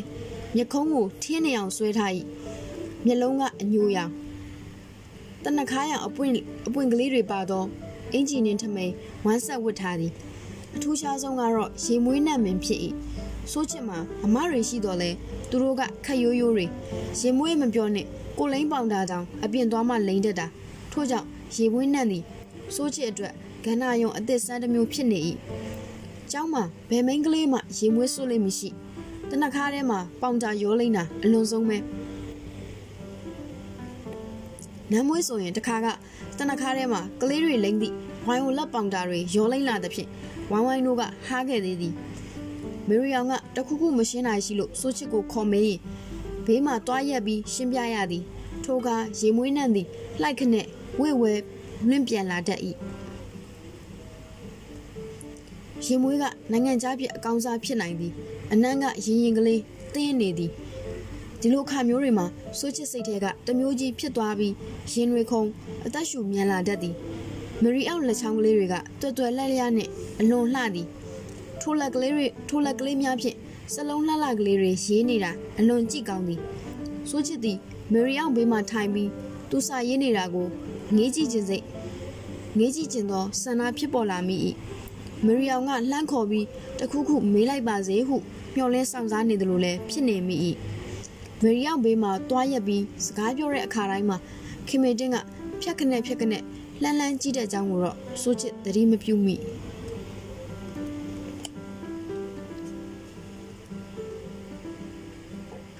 ဒီနောက်ပိုင်းမှာတော့စိုးချစ်သည်ရင်မွေးနှံကိုမကြာခဏသတိရမိနေတော့သည်ရေချိုးရင်စက်ပြနဲ့ရတဲ့အခါအိမ်မှာအမွှေးတိုင်ထွန်းတဲ့အခါမရီယောင်စီကရခဲ့ဘူးသောရင်မွေးနှံကိုအမှတ်ရမိ၏မေရီအောင်သည် သဘောကောင်းသည်ပွင့်လင်းသည်ဆိုတော့လဲယောက်ျားလေးတွေနဲ့တိတ်ရောရောနော်နော်နေတတ်သူမဟုတ်စိုးချစ်နေဆိုရင်လဲတန်းခွဲခြင်းမတူတော့ကြမရင်းနှီးကြမေရီအောင်ကခင်မေတင်းနဲ့ចောင်းသွားចောင်းမြတ်အတူတူဖြစ်တော့ကြတယောက်ကိုတယောက်သိတယ်ဆိုယုံသာရှိ၏နေရကစားတော်လို့တော့မှနည်းနည်းရင်းနှီးသွားကြခြင်းဖြစ်၏ခုနောက်ပိုင်းကျတော့ចောင်းမှာစုံကြတဲ့အခါပြုံးပြနှုတ်ဆက်ကြတာစကားတကွန်းတကွန်းပြောပြကြတာတို့ရှိလာသည် မရီအောင်ကိုကြည့်ရတာစိုးချစ်ကိုရင်းရင်းနီးနီးဆက်ဆံခြင်းသည့်ပုံမျိုးဟုထင်ရ၏ထိုထင်မြင်ချက်မှန်ကန်ကြောင်းကိုလည်းသိရ၏တရက်မှာစိုးချစ်ကျောင်းကိုစောစောထွက်လာခဲ့သည်လမ်းမှာမေရီအောင်နဲ့စုံသည်သူကလည်းတယောက်တည်းခင်မတက်မပါဘူးလားဟုစိုးချစ်ကမေးသည်ထုံးစံတိုင်းပဲလေဘိုက်အောင်လို့တဲ့အကြောင်းမတက်ဘူးခင်မတင်ကချူချသည်မကြာခဏကြောင်းပြတ်တတ်သည် ဒါကြောင့်လဲခက်ညက်ညက်ဖြစ်နေတာပဲဟုစိုးချစ်တွေးသည်ခုချိန်မှာဆိုချစ်နဲ့မေရီယောနှစ်ယောက်တည်းဖြစ်နေ၏။တွားရမိလန်ကတလန်းနဲ့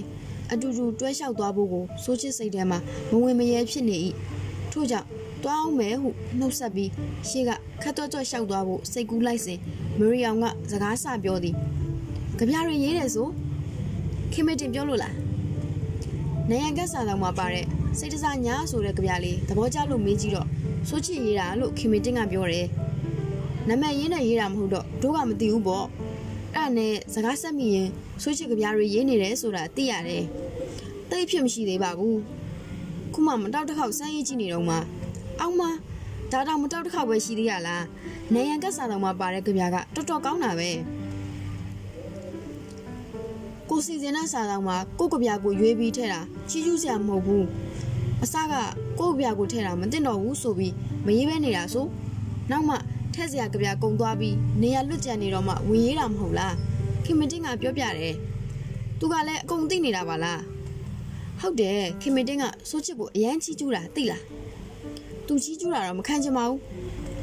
စိုးချစ်လွတ်ခနဲ့ပြောလိုက်မိသည်သူစကားရဲ့အတိတ်ပဲသူစကားရဲ့အတိတ်ပဲက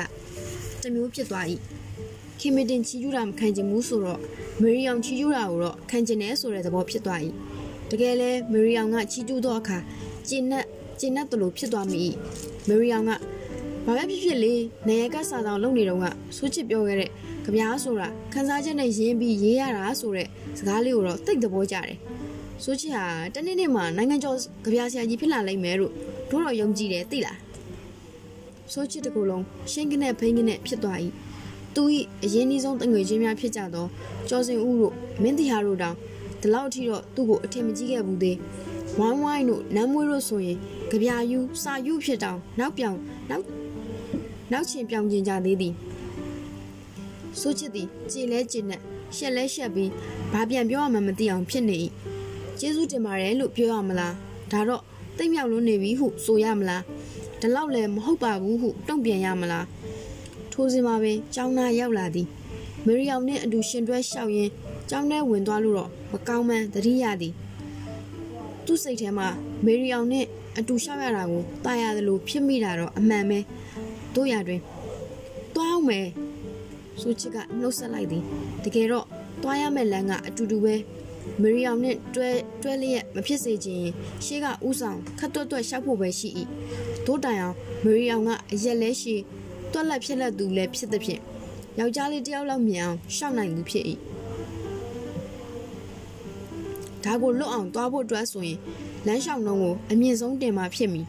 ထို့ကြောင့်ကြောင်းရောက်သောအခါစိုးချစ်ချွေးရတောင်ပြန်နေလေသည်စိုးချစ်ဥဆောင်လုပ်ခဲ့သောနေရကတ်စာဆောင်ကအတော်အောင်မြင်သည်ကျောင်းသားကျောင်းသူတွေစိတ်ဝင်စားကြသည်ဆရာဆရာမတွေလည်းကြိုက်သည် ကျောင်းအောင်ဆရာကြီးကတောင်သဘောကျပြီးချီးကျူးရသည်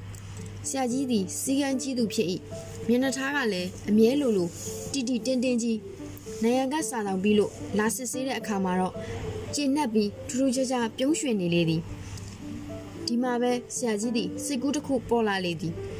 ကျောင်းကပွဲတစ်ခုပြုလုပ်ရန်ပင်ဖြစ်လေ၏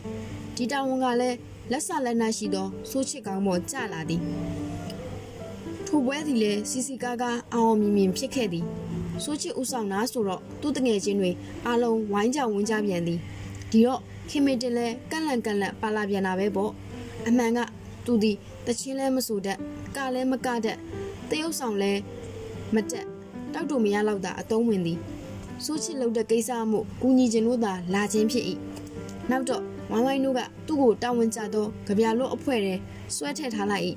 ဆိုးချစ်ကဖြစ်မှာမဟုတ်ပါဘူးဟုကန့်ခွက်ကန့်ကွက်ချင်သေးသည်နမ်းမွေးက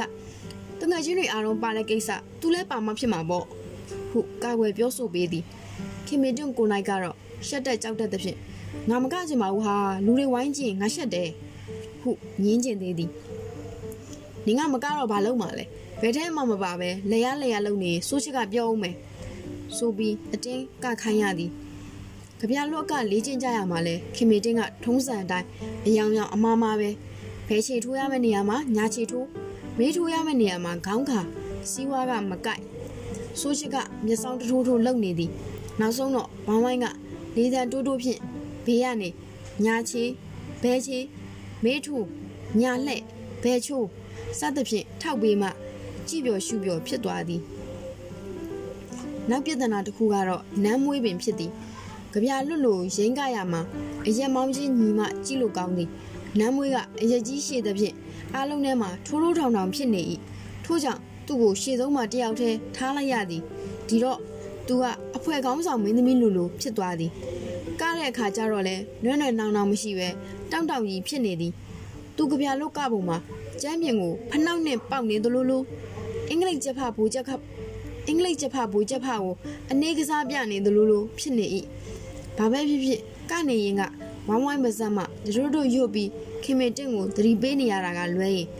စီးကြိုက်ဝါကြိုက်ဖြစ်တော့ကြောင့်မစိုးလာပါပြိသက်တွေကလည်းသဘောကျသည်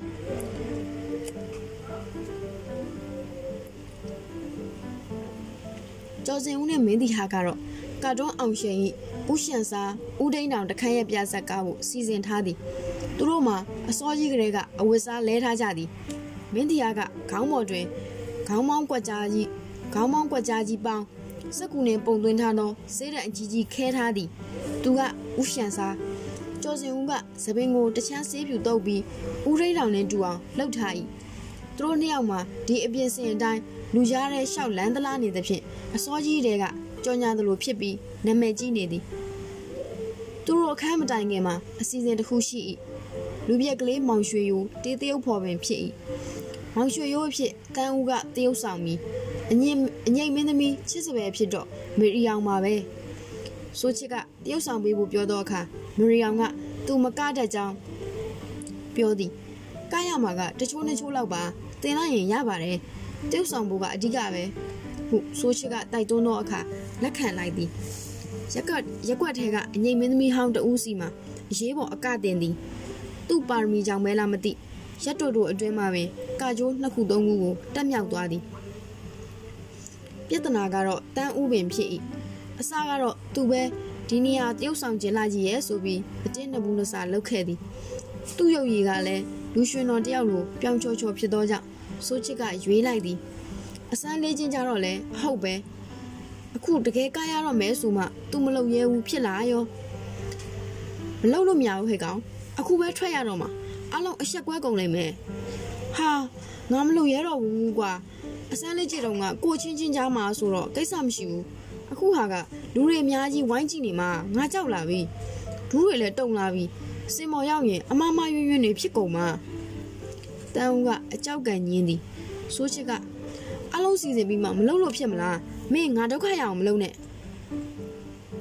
ဘလို့မှပြောလို့မရနောက်ဆုံးငါဖိုက်နာတယ် ချိပါရင်လာပြီဆိုပြီးအိမ်သာကိုပြေးသည်အိမ်သာကန်နဲ့ဝင်ပြီးအထက်ကဂလန့်ထိုးထားလိုက်သည်ခေါ်ထုတ်လို့မရတော့အစီအစဉ်ကြညာတဲ့သူကတော့သူ့တောင်ဝင်တိုင်းရွှေပွဲလာအဲပရိသတ်များရှင်ခုဆက်လက်ပြီးတင်ဆက်မှာကတော့လူပြက်ကလေးမောင်ရွှေယိုတေးတရုပ်ဖော်ပဲဖြစ်ပါတယ်ရှင်ဟုကြညာလိုက်ပြီးဆိုးချစ်ဗျာများရပြီကျော်စင်ဦးနဲ့မင်းတီဟာတယောက်ယောက်အစားထိုးဖို့ကြိုးစားတော့ဟာ ဘဲဖြစ်မလဲငါကသမင်တခြားနောင်စေးဖြူဆိုးထားပြီးပြီပဲဟာဟုတ်ကျော်စင်ဦးကပြောသည်မင်းတရားကလည်းငါတို့ကဒီစီစဉ်ပြရနဲ့စက်တိုက်ထွက်ရမှာကွာအဝတ်စားတွေလဲပြီးနေပြီပြီးတော့ခုမှရုတ်တရက်ကြီးဆိုတော့ဘာမှလုံးတတ်မှာမဟုတ်ဘူးငါတို့ပြဆက်အတွက်ဒိုင်ယာလော့တွေတောင်ပြန်မမေ့အောင်မနှဲကျက်ထားရတာတော့ကြငါတို့ပြဆက်ကိုထိခိုက်သွားလိမ့်မယ်ဟုတ်ငင်းသည်ထိုးစင်တွင်ကားလိုက်ဆွဲသည့်တာဝန်ယူထားသောမြင့်ကြီးအပြေးလွှားရောက်လာပြီး ဘာလုပ်နေကြရလဲစင်မော်တက်ကြတော့လေအနောက်စာအတောင်ကျွညာပြီးနေပြီပြိသက်တွေလည်းမျောနေပြီနောက်ဘက်ကကောင်တွေဆိုကြားရဲဆိုပြီးអော်နေကြပြီကွာစိုးချစ်မှာရွေးစရာလမ်းမရှိတော့တန်းဦးပြစ်ချထားခဲ့သောလူရှင်တော်အဝတ်စားတွေကိုကောက်ဝစ်ပြီးစင်မော်တက်ခဲ့ရသည်ကလကဖွင့်လိုက်သောအခါခါထောက်ပြီးတစ်ဖက်လက်ရက်နေသောမရီအောင်နှင့်ဒူးထောက်ပြီးလက်နက်ဖက်ကိုကား၍ချစ်ခွင့်ပန်နေဟန်လုံနေသောစိုးချစ်တို့၏ ရုပ်သေးပြကွက်ကိုစတင်မြင်ရသည်ပနမတီလုံးဆုံးတော့မှမေရီအောင်ကဒီဘက်လှည့်၍လက်ညှိုးကလေးကွေးချီဆန့်ချီလှုပ်ပြီးခေါ်ဟန်ပြုစဉ်တချင်းတန်စတင်ထွက်ပေါ်လာသည်မောင်ရွှေရိုးမောင်ရွှေရိုးဗျားဗျလူပြက်ကလေးတနာစရာဟေ့ရှက်ပါရဲကွာအငိမ့်မင်းသမီးရဲ့အနားမှာတပွားမှမခွာခင်ခင်ကညာကျင်ကျင်မပုံပုံပမာယုံယုံမ ကိန်းရီမုံတက်များလို့မခွဲပဲနေခြင်းနာအချေရာသူနေသိမ့်နံနဲ့ချစ်စပယ်တို့၏တချင်းကိုနောက်ခံအဖြစ်ဖွင့်ပေးပြီးဆိုချင်းနဲ့မေရီအောင်တို့ကတချင်းစာသားအတိတ်ပဲအတိုင်းတရုတ်ဆောင်ကြခြင်းဖြစ်၏ဆိုချစ်သည်တန်းဦးနှင့်မေရီအောင်တို့အစမ်းလေးကျင့်စဉ်တစ်လျှောက်လုံးတင်ပြပေးခဲ့ရသောကြောင့်ဘယ်နေရာမှာမလုပ်ရမယ်ဆိုတာသိနေသည်တို့ရတွင်ဒါမျိုးစင်မော်တက်ဖို့ဘယ်တော့မှစိတ်မကူးခဲ့ဘူးသောကြောင့်ရှက်ရွံ့နေမိ၏ ပရိသတ်ကတော့အမြဲတမ်းတီတီတက်တက်နေလေးရှိသောစိုးချစ်ကိုယ်တိုင်လူပြက်ကလေးမောင်ရွှေကိုလှုပ်ပြီးတက်ကနေတာမြင်သဖြင့်ထူးဆန်းနေပြီးပို၍စိတ်ဝင်စားကြသည်မရီအောင်ကတော့ကိုလုံးကိုပေါက်ကလည်းအချိုးစားကြငကိုကလည်းပြင်တက်စင်တက်သူဆိုတော့တကယ်အငိမ့်မင်းသမီးလေးတယောက်လိုလှပနေ၏ကရမှာလဲတူတက်တလောက်မှတ်တလောက်ကိုပင်ညညောအောင်ကနိုင်သည်ဟန်မူရကြတော့ရောခြေဆောက်ပုံမျက်စပစ်ပုံ မီးထိုးပုံလိုမှာအတော်ပင်ချစ်စရာကောင်းနေ၏ဆိုချစ်သည်မေရီယံဥဆောင်ရာကိုလိုက်ပြီးကျုပ်ဆောင်နေရင်ကတစ်ချက်တစ်ချက်မှာသူ့ကိုယ်သူတကယ်ပဲလူပြက်ကလေးမောင်ရွှေရိုးဖြစ်နေပြီဟုထင်မိ၏ထို့အတူစင်တောင်ကားလိုက်ကြကချောင်းကြည့်နေသောခင်မေတင့်သည်လည်းငါသာမေရီယံလောက်လှရင်သူ့လိုကားတတ်ရင်ဘလောက်ကောင်းမလဲဟုအားကြစိတ်ဖြစ်နေမိလေ၏ ဆိုချစ်စာတင်နေတာကိုသူငယ်ချင်းတွေကစောင့်နေကြသည်ကျော်စင်ဦးနဲ့မင်းတရားတို့ကအိမ်ရှိဝရန်တာမှာရင်နွေးချမ်းတောက်ရင်ထိုင်စကားပြောနေကြသည်ဝိုင်းဝိုင်းနဲ့နမ်းမွေးတို့ကတော့ဈေးကိုဝင်ပြီးဟင်းချက်စရာတွေဝယ်နေကြသည်ဒီညနေဆိုချစ်အိမ်မှာစုံပြီးတောက်ကြစားကြဖို့စီစဉ်ထားခြင်းဖြစ်၏ဆိုချစ်ကဆယ်ရန်ကျောင်းသားတွေကိုမြန်မာစာပြပေးနေသည်ဒီနေ့စာစီစာကုန်းအကြောင်းသင်ပေးသည်သူစာတင်တာအလွန်ကောင်းသည် စာတီစာကုန်းခေါင်းစဉ်တစ်ခုကိုနီဒန်းစာကိုနီကုန်းအစစ်စစ်ရှင်းလင်းပြောပြသွားတာစာပေဟောပြောပွဲတစ်ခုနားထောင်နေရသလိုပင်ဖြစ်၏ကျောင်းသားကလေးတွေမှာအလွန်စိတ်ဝင်စားကြသည်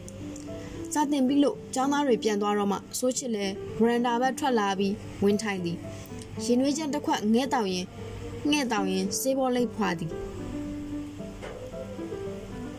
ကျော်စင်ဦးကမင်းစာတင်တာအတော်ကောင်းတာပဲကွာမင်းသာကျူရှင်ဆရာလုပ်ရင် ဆရာဦးအောင်ပြေတို့ဆရာဦးမျိုးအောင်တို့ကိုတော်တော်ကောင်းကောင်းရှင်နိုင်တယ်ကွာအေးကွာဟုတ်တယ်မင်းကျူရှင်ဖွင့်ပါလားမင်းမင်းအိမ်ရှိမှာကျောင်းကားဆောက်ဖို့နေရာရှိတာပဲဟုတ်မင်းတရားကလည်းထောက်ခံပြောဆိုသည်စိုးချစ်ကမဖြစ်ပါဘူးကွာငါကအချိန်မှန်မှန်တာဝန်ယူရတဲ့အလုပ်မျိုးမလုပ်ချင်ဘူးစိတ်ပါတဲ့အခါကျမှတင်ချင်တာအခုဆောင်ဝဲနီးလို့ရက်ွက်ထဲကကလေးတွေခေါ်တင်ပေးနေတာကွာမြန်မာစာတခုလည်းပဲလားအင်္ဂလိပ်စာလည်းနည်းနည်းပါးပါးသင်ပေးပါတယ်။ ဘောင်ဝိုင်းတို့ဈေးဝယ်ပြီးပြန်လာကြသည်။သူတို့နှစ်ယောက်အိမ်ထဲမဝင်ခင်လမ်းပေါ်မှာကလေးကအော်ကျဲအော်ကျဲပြောလာကြတာကိုဗရန်နာပေါ်မှာကြားနေရ၏။အပေါ်တက်ကိုတက်လာကြပြီးနောက်ဝယ်ချမ်းလာသောပစ္စည်းတွေခဏချပြီးဗရန်နာစကားဝိုင်းစီရောက်လာပြီးရောက်လာပြီးဈေးတွေကတက်လိုက်တာဒါပေမဲ့ငါတို့ဘက်ကဈေးတွေထက်ဆိုင်တော့တော်သေးတယ်ပြောရမယ်ဟုနမ်းမွေးကပြောသည်ဝိုင်းဝိုင်းကအသီးရွက်တွေဆုံးဆုံးလင်းလင်းလက်လက်ဆက်ဆက်ရတာတော့တိတ်အဆင်ပြေတာပဲ ဘာပဲဖြစ်ဖြစ်ဟိုရင်ကဈေးတဲ့ဟောင်းကြီးတွေကိုပြန်တွေ့ရတာပဲဝမ်းတာဖို့ကောင်းနေပြီဘသူတွေပြန်တွေ့ခဲ့လို့လဲဟုတ်မင်းတီဟာကမေးတဲ့ဖြင့်နမ်းမွေးကဘရစေးဆိုင်ကဦးမယန်တီလေခုထိရှိသေးတယ်ခုချိန်ဆိုအသက်80ကျော်90နီးပါးရှိရောပေါ့အမေစေးတွေဝါးတွေကြပဲနေလို့လားမသိဘူးကျင်းကျင်းမမာကြီးပဲဝိုင်းဝိုင်းကလည်းအလားကုံဆိုင်ကဥယွနှစ်ကြီးကတော့ဆုံးရှာဆုံးသွားရှာပြီတဲ့အခုသူ့သားကစက်ဖွင့်နေတယ် ငငယ်တုန်းကနှုတ်ခမ်းနေမွေးခင်နမူနာဆိုပြီးစိုးကြည့်လို့ငါတို့နဲ့ရင်ဖြစ်တဲ့ကောင်လေသူကမှတ်မိတယ်သိလားနှုတ်ခမ်းနေမွေးတော့ဘူးလားလို့တောင်နောက်လိုက်သေးတယ်အေးဘဲဥတဲ့ဒေါ်ပွင့်ကြီးလဲတွေ့ခဲ့တယ်ဟိုဟိုတင်မွေးငါရောက်တဲ့မိမိုးကောတွေ့ခဲ့လားကျော်စင်ဦးကမေးတဲ့ဖြင့်ဝိုင်းဝိုင်းကတွေ့ပါတယ်တော့နှစ်အဆက်ဟောင်းကိုခန္ဓာကိုယ်ကစီပိုင်းလောက်ဖြစ်နေပြီ ကလေးကလည်း9ယောက်ဆိုလားမွေးငါတပွဲစီတောင်ဝင်စားခဲ့သေးတယ်နင့်ကိုလည်းနေကောင်းရဲ့လားလို့သတိတရမေးပါတယ်အဆက်ဟောင်းမဟုတ်ပါဘူးဟာ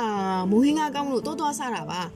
တခုတော့ရှိတယ်ဟာငါသားငါသွားစားတဲ့အခါတစ်ခါပြင်နှစ်ပွဲစာလောက်ထည့်ထည့်ပေးတယ်ကျွတ်တုံဦးတွေလည်းနှလုံးသုံးလုံးရှာထည့်ပေးတတ်တယ်ဟင်းရည်လည်းတက်တောင်လို့ရတယ်ဟဲဟဲကဲကဲနင်တို့ချက်စရာရှိတာတွားချက်ကြတော့ငါတို့လည်းလုပ်ငန်းစတော့မယ် ငါတို့မြည်ဖို့ငရမ်းကြောက်ဖို့နဲ့အလူချောင်းကျော်အရင်လုတ်ပေးဟာငါမလိုက်တဲ့မြေပဲလောပါတယ်မလားအဲ့ဒါအရင်ပေးဟုတ်မင်းတီဟာကပြောသည်ဝိုင်းဝိုင်းနဲ့နမ်းမွေတို့မိဖို့ခံဘက်ဝင်သွားသည်နမ်းမွေကမြေပဲလော်ပကံယူပြီးပြန်ထွက်လာသည်စပွဲပေါ်ချပေးရင်နင့်မိဖို့ကန်းကလည်းဟာဘာမှလည်းပြပြစုံစုံမရှိဘူးဓာတ်ကလည်းတစ်ချောင်းနဲ့ဒဲဦးကလည်းလက်ကင်တစ်ဖက်မရှိဘူးဒန်ဦးကနှလုံးနဲ့ ဟာငါတယောက်တည်းနေတာအောက်ထက်ကပို့တဲ့ထမင်းချိုင်းနဲ့စားတာစီပလင်းတောင်ဟိုတရက်အမလာတော့ငါယူလာတာကျုပ်လေးပါလေးကြော်စားရအောင်လို့တဲ့။အော်ခုမှတည်းရတယ်။မယူလာတဲ့အမဲသားကိုမြုပ်သီးဆက်ဆက်နဲ့ကြော်ထားတာရှိတယ်။အဲ့ဒါနဲ့မြည်ကြမလား။ဒီပါစေကွာဟင်းနေလေထက်ချက်အောင်ပါပဲ။နောက်ရက်တွေမင်းစားဖို့ထားလိုက်ပါ။ထိုစဉ်မှာမိဖို့တွေကမောင်ဝိုင်းကလန့်អော်လိုက်သည်။စိုးချစ် နင်ဟော့ပလက်ကဖွင့်လို့လည်းမရပါလား။လာလို့ပေးအောင်။ခလုတ်ကအဲ့လိုပဲကြောင်တတ်တယ်ကွာဟုပြောပြီးစိုးချစ်မိဖို့ရဲဝင်သွားသည်ဟော့ပလက်ခလုတ်ကိုနှစ်ချက်သုံးချက်ဖွင့်လိုက်ပိတ်လိုက်လို့တော့မှအဆင်ပြေသွားသည်ဝိုင်းဝိုင်းကစိုးချစ်ရဲ့နေ့အဖြစ်ကိုကြည့်ရတာစိတ်မသက်သာလိုက်တာဖြစ်တယ်လို့နေဖြစ်တယ်လို့စားနဲ့အေးဟာဒီကောင်ကိုဒီလိုထားလို့မဖြစ်ဘူးမိမတယောက်တော့ရှာပြီးပေးစားမနဲ့တူတယ်နမ်းမွေးကဝင်ပြောရစိုးချစ်က တော်ပါတော့ဟာငါ့ဘာငါတယောက်တည်းနိုင်ပိုင်းနေပြစေနင်တို့ကိုမြင်ုံနဲ့မိမယူရမှာလက်နေပါပြီအောင်မဟိုတယောက်ကိုမရခဲ့လို့မဟုတ်လားဟိုတော့ကသာအဆင်ပြေခဲ့ရင်နင်လည်းအခုချိန်မှာကျော်စင်ဦးတို့လိုအချိုးမျိုးဖြစ်နေမှာပဲဒါနဲ့နင်သိပြီလားဟိုဝမ်းဝိုင်းစကားမဆုံးခင်ဟဲ့ကောင်ပြီးရင်လာတော့ကွာဒီမှာငါတို့တစ်ခွက်တောင်ကုန်တော့မယ်ကျော်စင်ဦးကလန့်ခေါ်တဲ့ဖြင့် စိုးချစ်အိမ်ကန်းရှိပြေးထွက်သွားသည်ဘရန်ဒါမှာတော့ဝိုင်းကစနေပြီမင်းကဘီးပဲရိုက်တယ်ဆိုလို့မင်းတော့ရအဆင်ပြေအောင်ဘောကဝယ်ခဲ့တာကွာသူကဘီးနဲ့အနက်ရတာစင်းနေလေကွာစိုးချစ်ကသူ့အတွက်ငှဲ့ထားသောဖန်ခွက်ကိုယူပြီးတငုံငုံသည်ဘလို့လဲဖြစ်တယ်မလားစိုးချစ်ကခေါင်းငိမ့်ပြသည်စိုးချစ်တောက်ပုံမှာအရက်ကိုတငုံချင်းအရသာခံပြီးဒစိမ့်စိမ့်တောက်ချင်းဖြစ်၏တကြိုက်တောက်ပြီးတိုင်းအမီးတစ်ဖက်ယူ၍မြုပ်နေတတ်သည် ဒီလိုလူမျိုးသည်အရက်ကိုလွန်းလွန်းကြောင်ကျွန်းလွန်းလွန်းကျွန်းကျွန်းတောက်လေမရှိအမှုလွန်ပြီးပြဿနာရှာတာမျိုးရုပ်ပြက်ဆင်းပြက်ဖြစ်တာမျိုးမရှိထို့တူရက်ဖြစ်ဖို့လဲဘယ်တော့မှစိတ်ကူးလေးမရှိမင်းဒီဟာနဲ့ကြိုစင်ဦးတို့ကလည်းအပျော်တောက်သူများဖြစ်သဖြင့်သူတို့သုံးယောက်အတွက်ဘောကာပလင်းမှာအနေတော်ပင်ဖြစ်၏အမီးကလည်းငရမ်းချောင်းဖုတ်နဲ့အာလူချောင်းကြော်အပြင်မောင်ဝိုင်းတို့ကပြက်သီးပိုးဒီချင်းကိုပါစက်သွန်နဲ့တုပ်ပေးသဖြင့်အတော်အဆဟတ်တဲ့သွားသည် ခါတလေခုလိုတငယ်ချင်းတွေပြန်ဆုံပြီးစားရတော့ရတာတဲစိန်ရှိတာပဲကွာအလုပ်ထဲမှာဆိုရင်အမြဲတမ်းစိတ်ဖူစိတ်ဖိစီမှုတစ်ခုမဟုတ်တစ်ခုတော့ရှိတာပဲဟုတ်မင်းတီဟာကပြောသည်ကျော်စင်ဦးကမင်းငေါမပြောဘူးလားကွာဆိုချစ်ဟုတ်မေးတဲ့ဖြင့်ပြောတာပေါ့ကွာငါမကအခြားချိန်နေဆိုရင်တယောက်တည်းအထီးကျန်ဆန်နေတာအဲ့ဒါလို့အထီးကျန်မဖြစ်ရအောင်ဒီကောင်မိမတယောက်လောက်ရှာပြီးပေးစားရရင်မကောင်းဘူးလား ကျော်စီဦးကအစထောင်သည်မင်းတီဟာကမင်းကောင်ကိုလည်းမေးကြည့်ပါအောင်ငါတို့ပေးစားတော့ရောယူမာလို့လားယူမာလားလို့ခုချိန်မှာဂျန်နီဖာလိုဘတ်နဲ့ပေးစားမယ်ဆိုရင်တော့ခခတီးတီးညင်းမဲ့ကောင်မင်းကောင်ကမရနိုင်တော့တာကိုမှလိုချင်နေတာတော်တော်ဆွဲလန်းကြီးရဲ့ကောင်ဆိုချစ်ကဘာမှပြန်မပြောဘဲပြုံးယုံကပြုံးနေသည်သူပြုံးမုံကဟန်ဆောင်ပြုံးကျော်စင်ဦးကအကဲခတ်နေပြီးမှဘာလဲဟိကောင်တတိယနေမဟုတ်လား မင်းတို့တောင်မှဝင်းငားတဲ့မိမိုးတို့ဦးမယန်းသီးတို့ကိုတတိယသေးတာပဲလူတွေဟာငငယ်ကဖြစ်ခဲ့တဲ့ဘာမဟုတ်တဲ့ကိစ္စတွေတွေကိုတော့မှတ်မိနေကြကြတယ်လေကွငါတတိယနေတယ်ဆိုတာဝန်ခံပါတယ်ကွာမင်းတို့တတိပေးမှမဟုတ်ပါဘူးငါဘာတန်ကလည်းတတိယချင်းရနေတာပါပဲကဲပြန်ပြီးပြင်ဆင်လို့မရတာတွေပြောမနေပါနဲ့တော့ကွာတခြားတစ်ကြောင်းပြောစမ်းပါပြောပြီးဖန်ခွက်ကိုယူမောလိုက်သည်ဒီတခါတော့သူတောက်နေကြပုံစံမျိုးတငုံချင်းမဟုတ် ဖန်ခွက်တဝက်လောက်ကိုတခါတည်းတရှိန်တို့မောချလိုက်ခြင်းဖြစ်၏မင်းတီဟာကဒါကိုသတိပြုမိပြီးကျော်စင်ဦးကိုလက်ကုပ်လိုက်သည်ကျော်စင်ဦးကစကားလမ်းကြောင်းပြောင်းပြီးသူ့လုပ်ငန်းထဲကကြုံတွေ့ရသောရည်စရာများကိုပြောပြသည်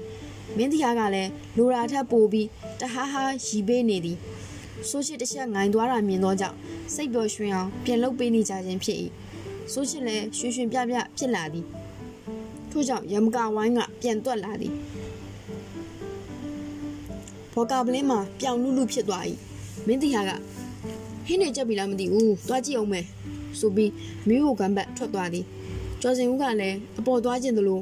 အပေါ်သွားခြင်းသဖြင့်အိမ်အောက်ဆင်းပြီးအိမ်နာဘက်သွားသည်အပေါ်ပြန်တက်လာသောအခါဝရန်ဒါမှာတယောက်တည်းကြောင်တောင်တောင်ရက်နေသောမင်းတီဟာကိုတွေးလိုက်ရ၏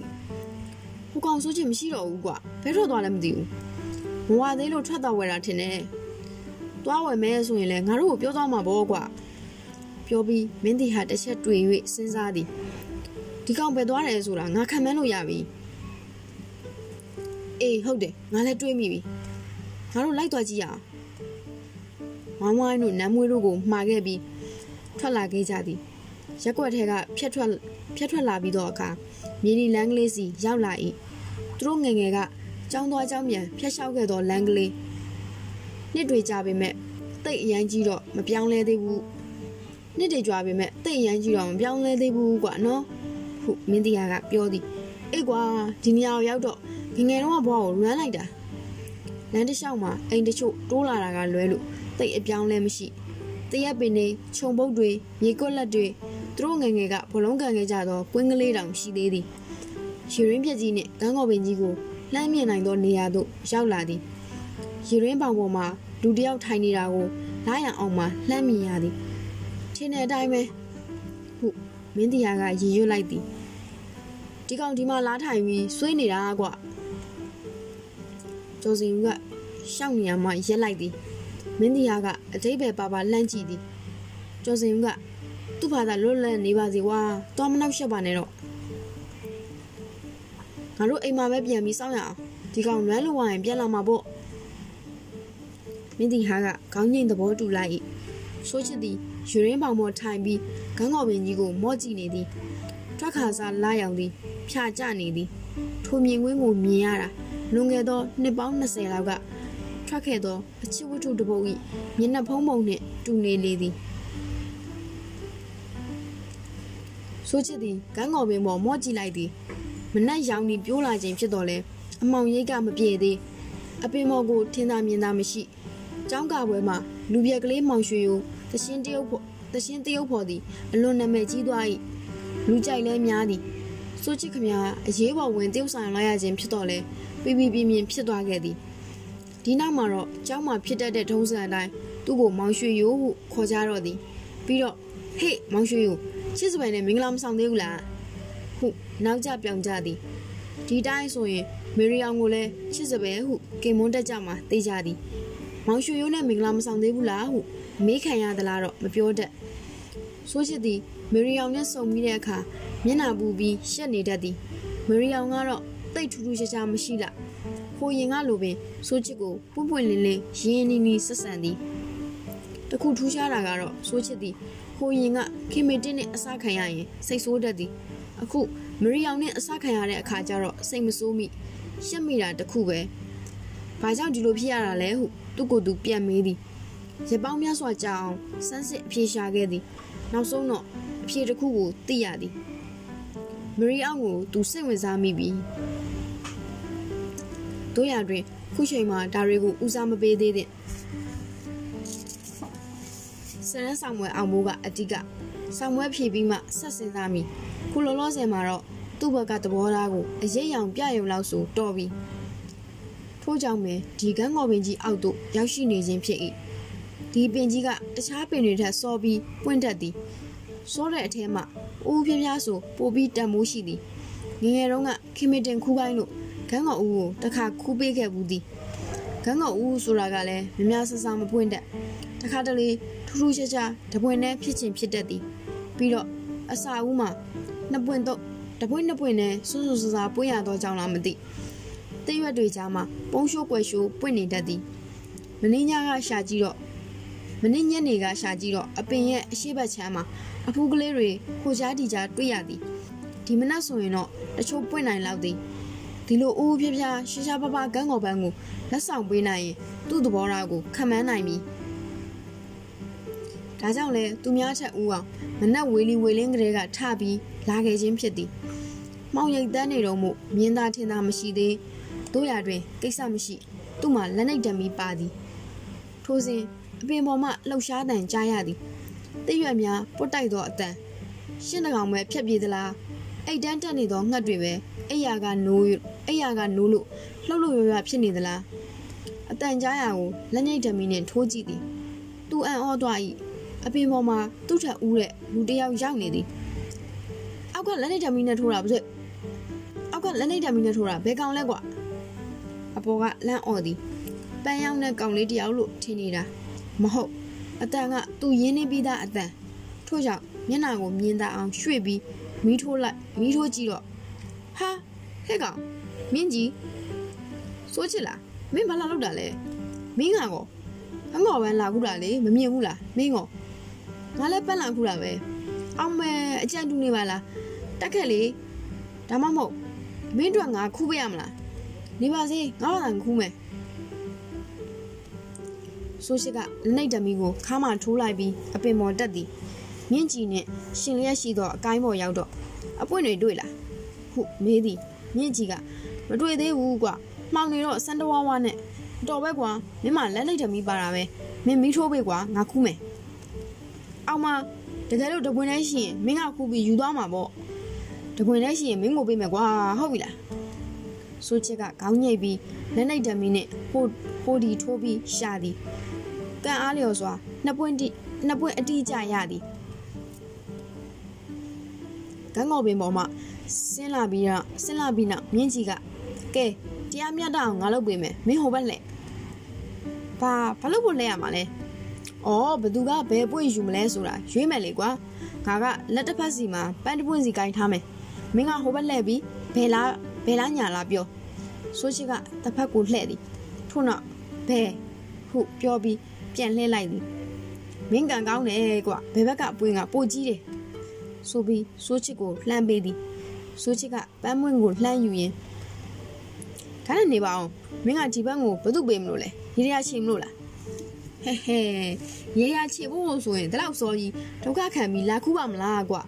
အေးကွာဟုတ်သားပဲနေစမ်းမအောင်မင်းကောဘာကြောင့်အစိုးရလာခုရရလဲရေရချေဖို့တော့မဟုတ်တော့ပါဘူးနော်ဆိုချစ်ကရီကျဲကျဲလုံနေလိုက်၏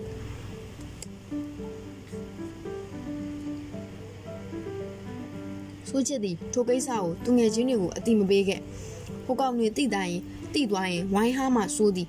ခန်းကော်ပန်းလေးတပွင့်ရဖို့မြန်အေးပြက်ခံပြီးတကူတကသွားခုရတယ်လို့ကွာဟုလှောင်ကျင်လှောင်ကြလိမ့်မည်နောက်တစ်ချက်ကလည်းမရီယောင်လိုတကြောင်လုံးစတားတယောက်နဲ့ရှင်ကြည့်ရင်သူ့ဘက်ကအားနဲ့နေတာလေတကြောင်တကယ်လို့သူ့ပေးတဲ့ပန်းကိုမရီယောင်ကမယူဘဲရင်းခဲ့ရင်ရှက်စရာကြီးဖြစ်မှာကြောက်တာလဲတကြောင် မရီယောင်ကတနင်္ဂနွေနေ့မနက်ဆိုရင်လမ်းလျှောက်ထွက်လေရှိပြီးရင်ဈေးထဲဝင်ပြီးသူ့အတွက်လိုအပ်သောပစ္စည်းကလေးတွေဝယ်တတ်သည်သူပြန်ကိုစောင့်ပြီးဂန်းကော်ပန်းပေးမိဟုစိတ်ကူးထားသည်တိုက်တိုက်ဆိုင်ဆိုင်ပင်ဒီတနင်္ဂနွေမနက်မှာမှဂန်းကော်ပန်းကလည်းစပွင့်သည်အစကောင်းတဲ့အတိတ်နမိတ်ပါပဲဂန်းကော်ပန်းခူးပြီးနောက်အိမ်ကိုပြန်သည်အဝတ်စားလဲသည်ဂန်းကော်ပန်းကိုတန့်စင်အောင်ပြုလုပ်သည်အရွက်နှစ်ရွက်လည်းခြံထားသည် ပန်လို့အနေတော်ဖြစ်အောင်ဖြတ်သည်ထို့နောက်မေရီယာကိုစောင့်နေစောင့်မိနေရဖြစ်သောရေရင်းပြက်ကြီးစီသို့ထွက်လာခဲ့၏သူအံ့ဩသွားသည်ရေရင်းပေါင်ပေါ်မှာသူ့ထက်အရင်ဦးအောင်ရောက်ပြီးထထိုင်နေသူတယောက်ရှိနေ၏တခြားလူမဟုတ်မနက်ကပန်းတူခူးခဲ့သောမြင့်ကြည်ပင်ဖြစ်၏သူ့လက်ထဲမှာလဲဂန်းကော်ပန်းတစ်ပွင့်ဟဲ့ကောင်မင်းဘာလုပ်နေရလဲစိုးချစ်ကမေးသည်မြင့်ကြည်ကလည်းစိုးချစ်လက်ထဲကဂန်းကော်ပန်းကိုမြင်သွားပြီး မင်းလိုပဲလာဆောင်နေတာပေါ့ကွာစိုးချစ်စိုးရိမ်သွားမိ၏မင်းကဘာလို့ကိုစောင့်တာလဲနောက်တော့သိရမှာပေါ့ဟုမြင့်ကြီးကပြောရင်းဂန်းကော်ပန်းကိုအာဘတရနမ်းရှုံလိုက်၏စိုးချစ်လည်းရေရင်းမောင်မောတက်ထိုင်သည်သူ့စိတ်ထဲမှာမတင်မကြကြီးဖြစ်နေသည်မေရီအောင်ကိုသူဂန်းကော်ပန်းပေးတာကိုမြင့်ကြီးတစ်သွားရင်လူတကာကိုရှောက်ပြောတော့မီကျော်စင်ဦးတို့မင်းတီဟာတို့ပါတိတ်ကုန်တော့မီလူမသိစေချင်လို့လျှို့ဝှက်ပြီးကြံစီခဲ့ကမှ မင်းကရောဘသူ့ကိုပန်းပေးမှလဲမြင့်ကြီးကမေးသည်ဟိုရင်သူငယ်ချင်းတယောက်ပါကွာသူကအဲသူကကောင်းကောင်းပန်းကြိုက်တယ်ဆိုလို့ဟုတ်ပြေးစလွယ်ဖြေသည်မြင့်ကြီးကရီလိုက်ပြီးတငယ်ချင်းကိုပေးဖို့ကန်းကော်ပန်းကိုမနဲ့စောကြီးဒုက္ခကံပြီးထခူးတယ်ဆိုတာမဖြစ်နိုင်ပါဘူးငါကတော့ရှင်းရှင်းပဲဟဲ့အချစ်ကလေးကိုပေးမလို့ထိုခိုက်တက်မှာဆိုချစ်အစုံတစ်ခုတွေးမိပြီးစိုးရိမ်စိတ်ဝင်လာသည် ဟဲ့ကောင်မြင့်ကြီးမင်းငါ့ကိုမမြင့်မြတ်မင်းငါ့ကိုမှန်မှန်ပြောကွာမင်းလက်ထဲကကန်းကော်ပန်းကဘသူ့ကိုပေးဖို့လဲဖြေနေစရာတော့မလိုတော့ပါဘူးကွာလူကိုယ်တိုင်တောင်မြင်ရတော့မှာပဲဟာဟိုမှာလာနေပြီလေကွာမြင့်ကြီးကမင်းငေါပြရင်ပြောသည်သူညွန်ပြရသို့ကြီးလိုက်တော့ဘေးဘက်ကိုရှောက်လာနေသောမရီအောင်သူတယောက်တည်းမဟုတ်ဘေးမှာပါလာသူကခင်မေတက်ဟာဟဲ့ကောင်မင်းမင်းမင်းဘသူ့ကိုပန်းပေးမှလဲ ဆိုချစ်၆ယောက်ချာချာမေးသည်မြင့်ကြီးကပြန်မဖြေပဲပြုံးစည်းစည်းသာလုံနေ၏မေရီအောင်တို့ကနီးလာပြီးဟဲ့ကောင်ပြောလေမြင့်ကြီးပြောပါကွာဘာလို့လဲဆိုချစ်ထူပူပြီးရောင်ကန်းကန်းဖြစ်နေတော့မြင့်ကြီးကရေရင်းပေါင်ပေါ်မှခုန်ဆင်းပြီးမေရီအောင်တို့စီရှောက်သွားသည်သူတို့ကလည်းဆိုချစ်တို့ကိုမြင်ပြီးပြုံး၍နှုတ်ဆက်သည်ထိုးချိန်တွင်မြင့်ကြီးကအနားရောက်သွားပြီးဘာထိုင်လုပ်နေကြရလဲ မေရီအောင်ကမေးသည်မြင့်ကြီးကမေရီကိုကန်းကော်ပန်းလက်ဆောင်ပေးလို့စောင့်နေတာရော့ဆိုပြီးမေရီအောင်ကိုလှမ်းပေးသည်မေရီအောင်ကဘာမှထူးခြားဟန်မပြသူ့ဖို့တော့ဒါမျိုးကရိုးနေပြီဟုတ်လား thank you ဆိုပြီးမြင့်ကြီးကမ်းပေးသောကန်းကော်ပန်းကိုလှမ်းယူသည်ဒီခါကျမှစိုးချစ်လဲရောင်းချချလုံရင်းနားကိုရောက်လာသည်သူ့လက်ထဲကကန်းကော်ပန်းကိုမြင်တော့ခင်မင်တစ်အိမ်ဒရိမစင်နိုင် ကန်းကော်ပန်းမြင်လျင်အယူမှုဖြစ်တတ်တဲ့ထုံးစံတိုင်းဟဲကန်းကော်ပန်းအခြေအနေကအတော်ရှုပ်ထွေးသွားသည်ယောက်ျားလေးနှစ်ယောက်ကကန်းကော်ပန်းတပွင့်စီကင်ပြီးစောင့်နေသည်မိန်းကလေးနှစ်ယောက်ရောက်လာသည်ယောက်ျားလေးတစ်ယောက်ကမိန်းကလေးတစ်ယောက်ကိုကန်းကော်ပန်းပေးလိုက်သည်ထိုအခါယောက်ျားလေးတစ်ယောက်မိန်းကလေးတစ်ယောက်နှင့်ကန်းကော်ပန်းတပွင့်ကြံ့သည်ထိုမိန်းကလေးကလည်းကန်းကော်ပန်း crazy အဲ့ဒီပန်းကဘာလို့လဲရင်ခင်မေတင်းက မျောလင်းတကြီးလေးတန်းဖြင့်မေးသည်ဟိုဟိုဆိုချစ်ရောင်နာနာဖြစ်နေတော့မြင့်ကြီးကဝင်၍ဘသူ့ဖို့ရှိရမှာလဲနင့်ဖို့ပေါ့ဟုတ်တယ်မို့လားဆိုချစ်ဟုတ်အဲနေယူချင်းယူလိုက်လေဟင်တကယ်လားဆိုချစ်ကပန်းကိုပေးရမှာနှမျောနေသည်ထို့ကြောင့်ဒီတိုင်းကြီးကြိုက်ထားမိ၏ခင်မေတင်းကရှစ်တိုးလာပြီးလက်ထဲကပန်းကိုဖြက်ခနဲယူလိုက်သည်သူ့မျက်နှာပေါ်ကအပြုံးကတော့ ပန်းတွင်းကိုယူလိုက်တာထက် ပိုပြီးအတိတ်ပဲကျင်ဝန်းနေ၏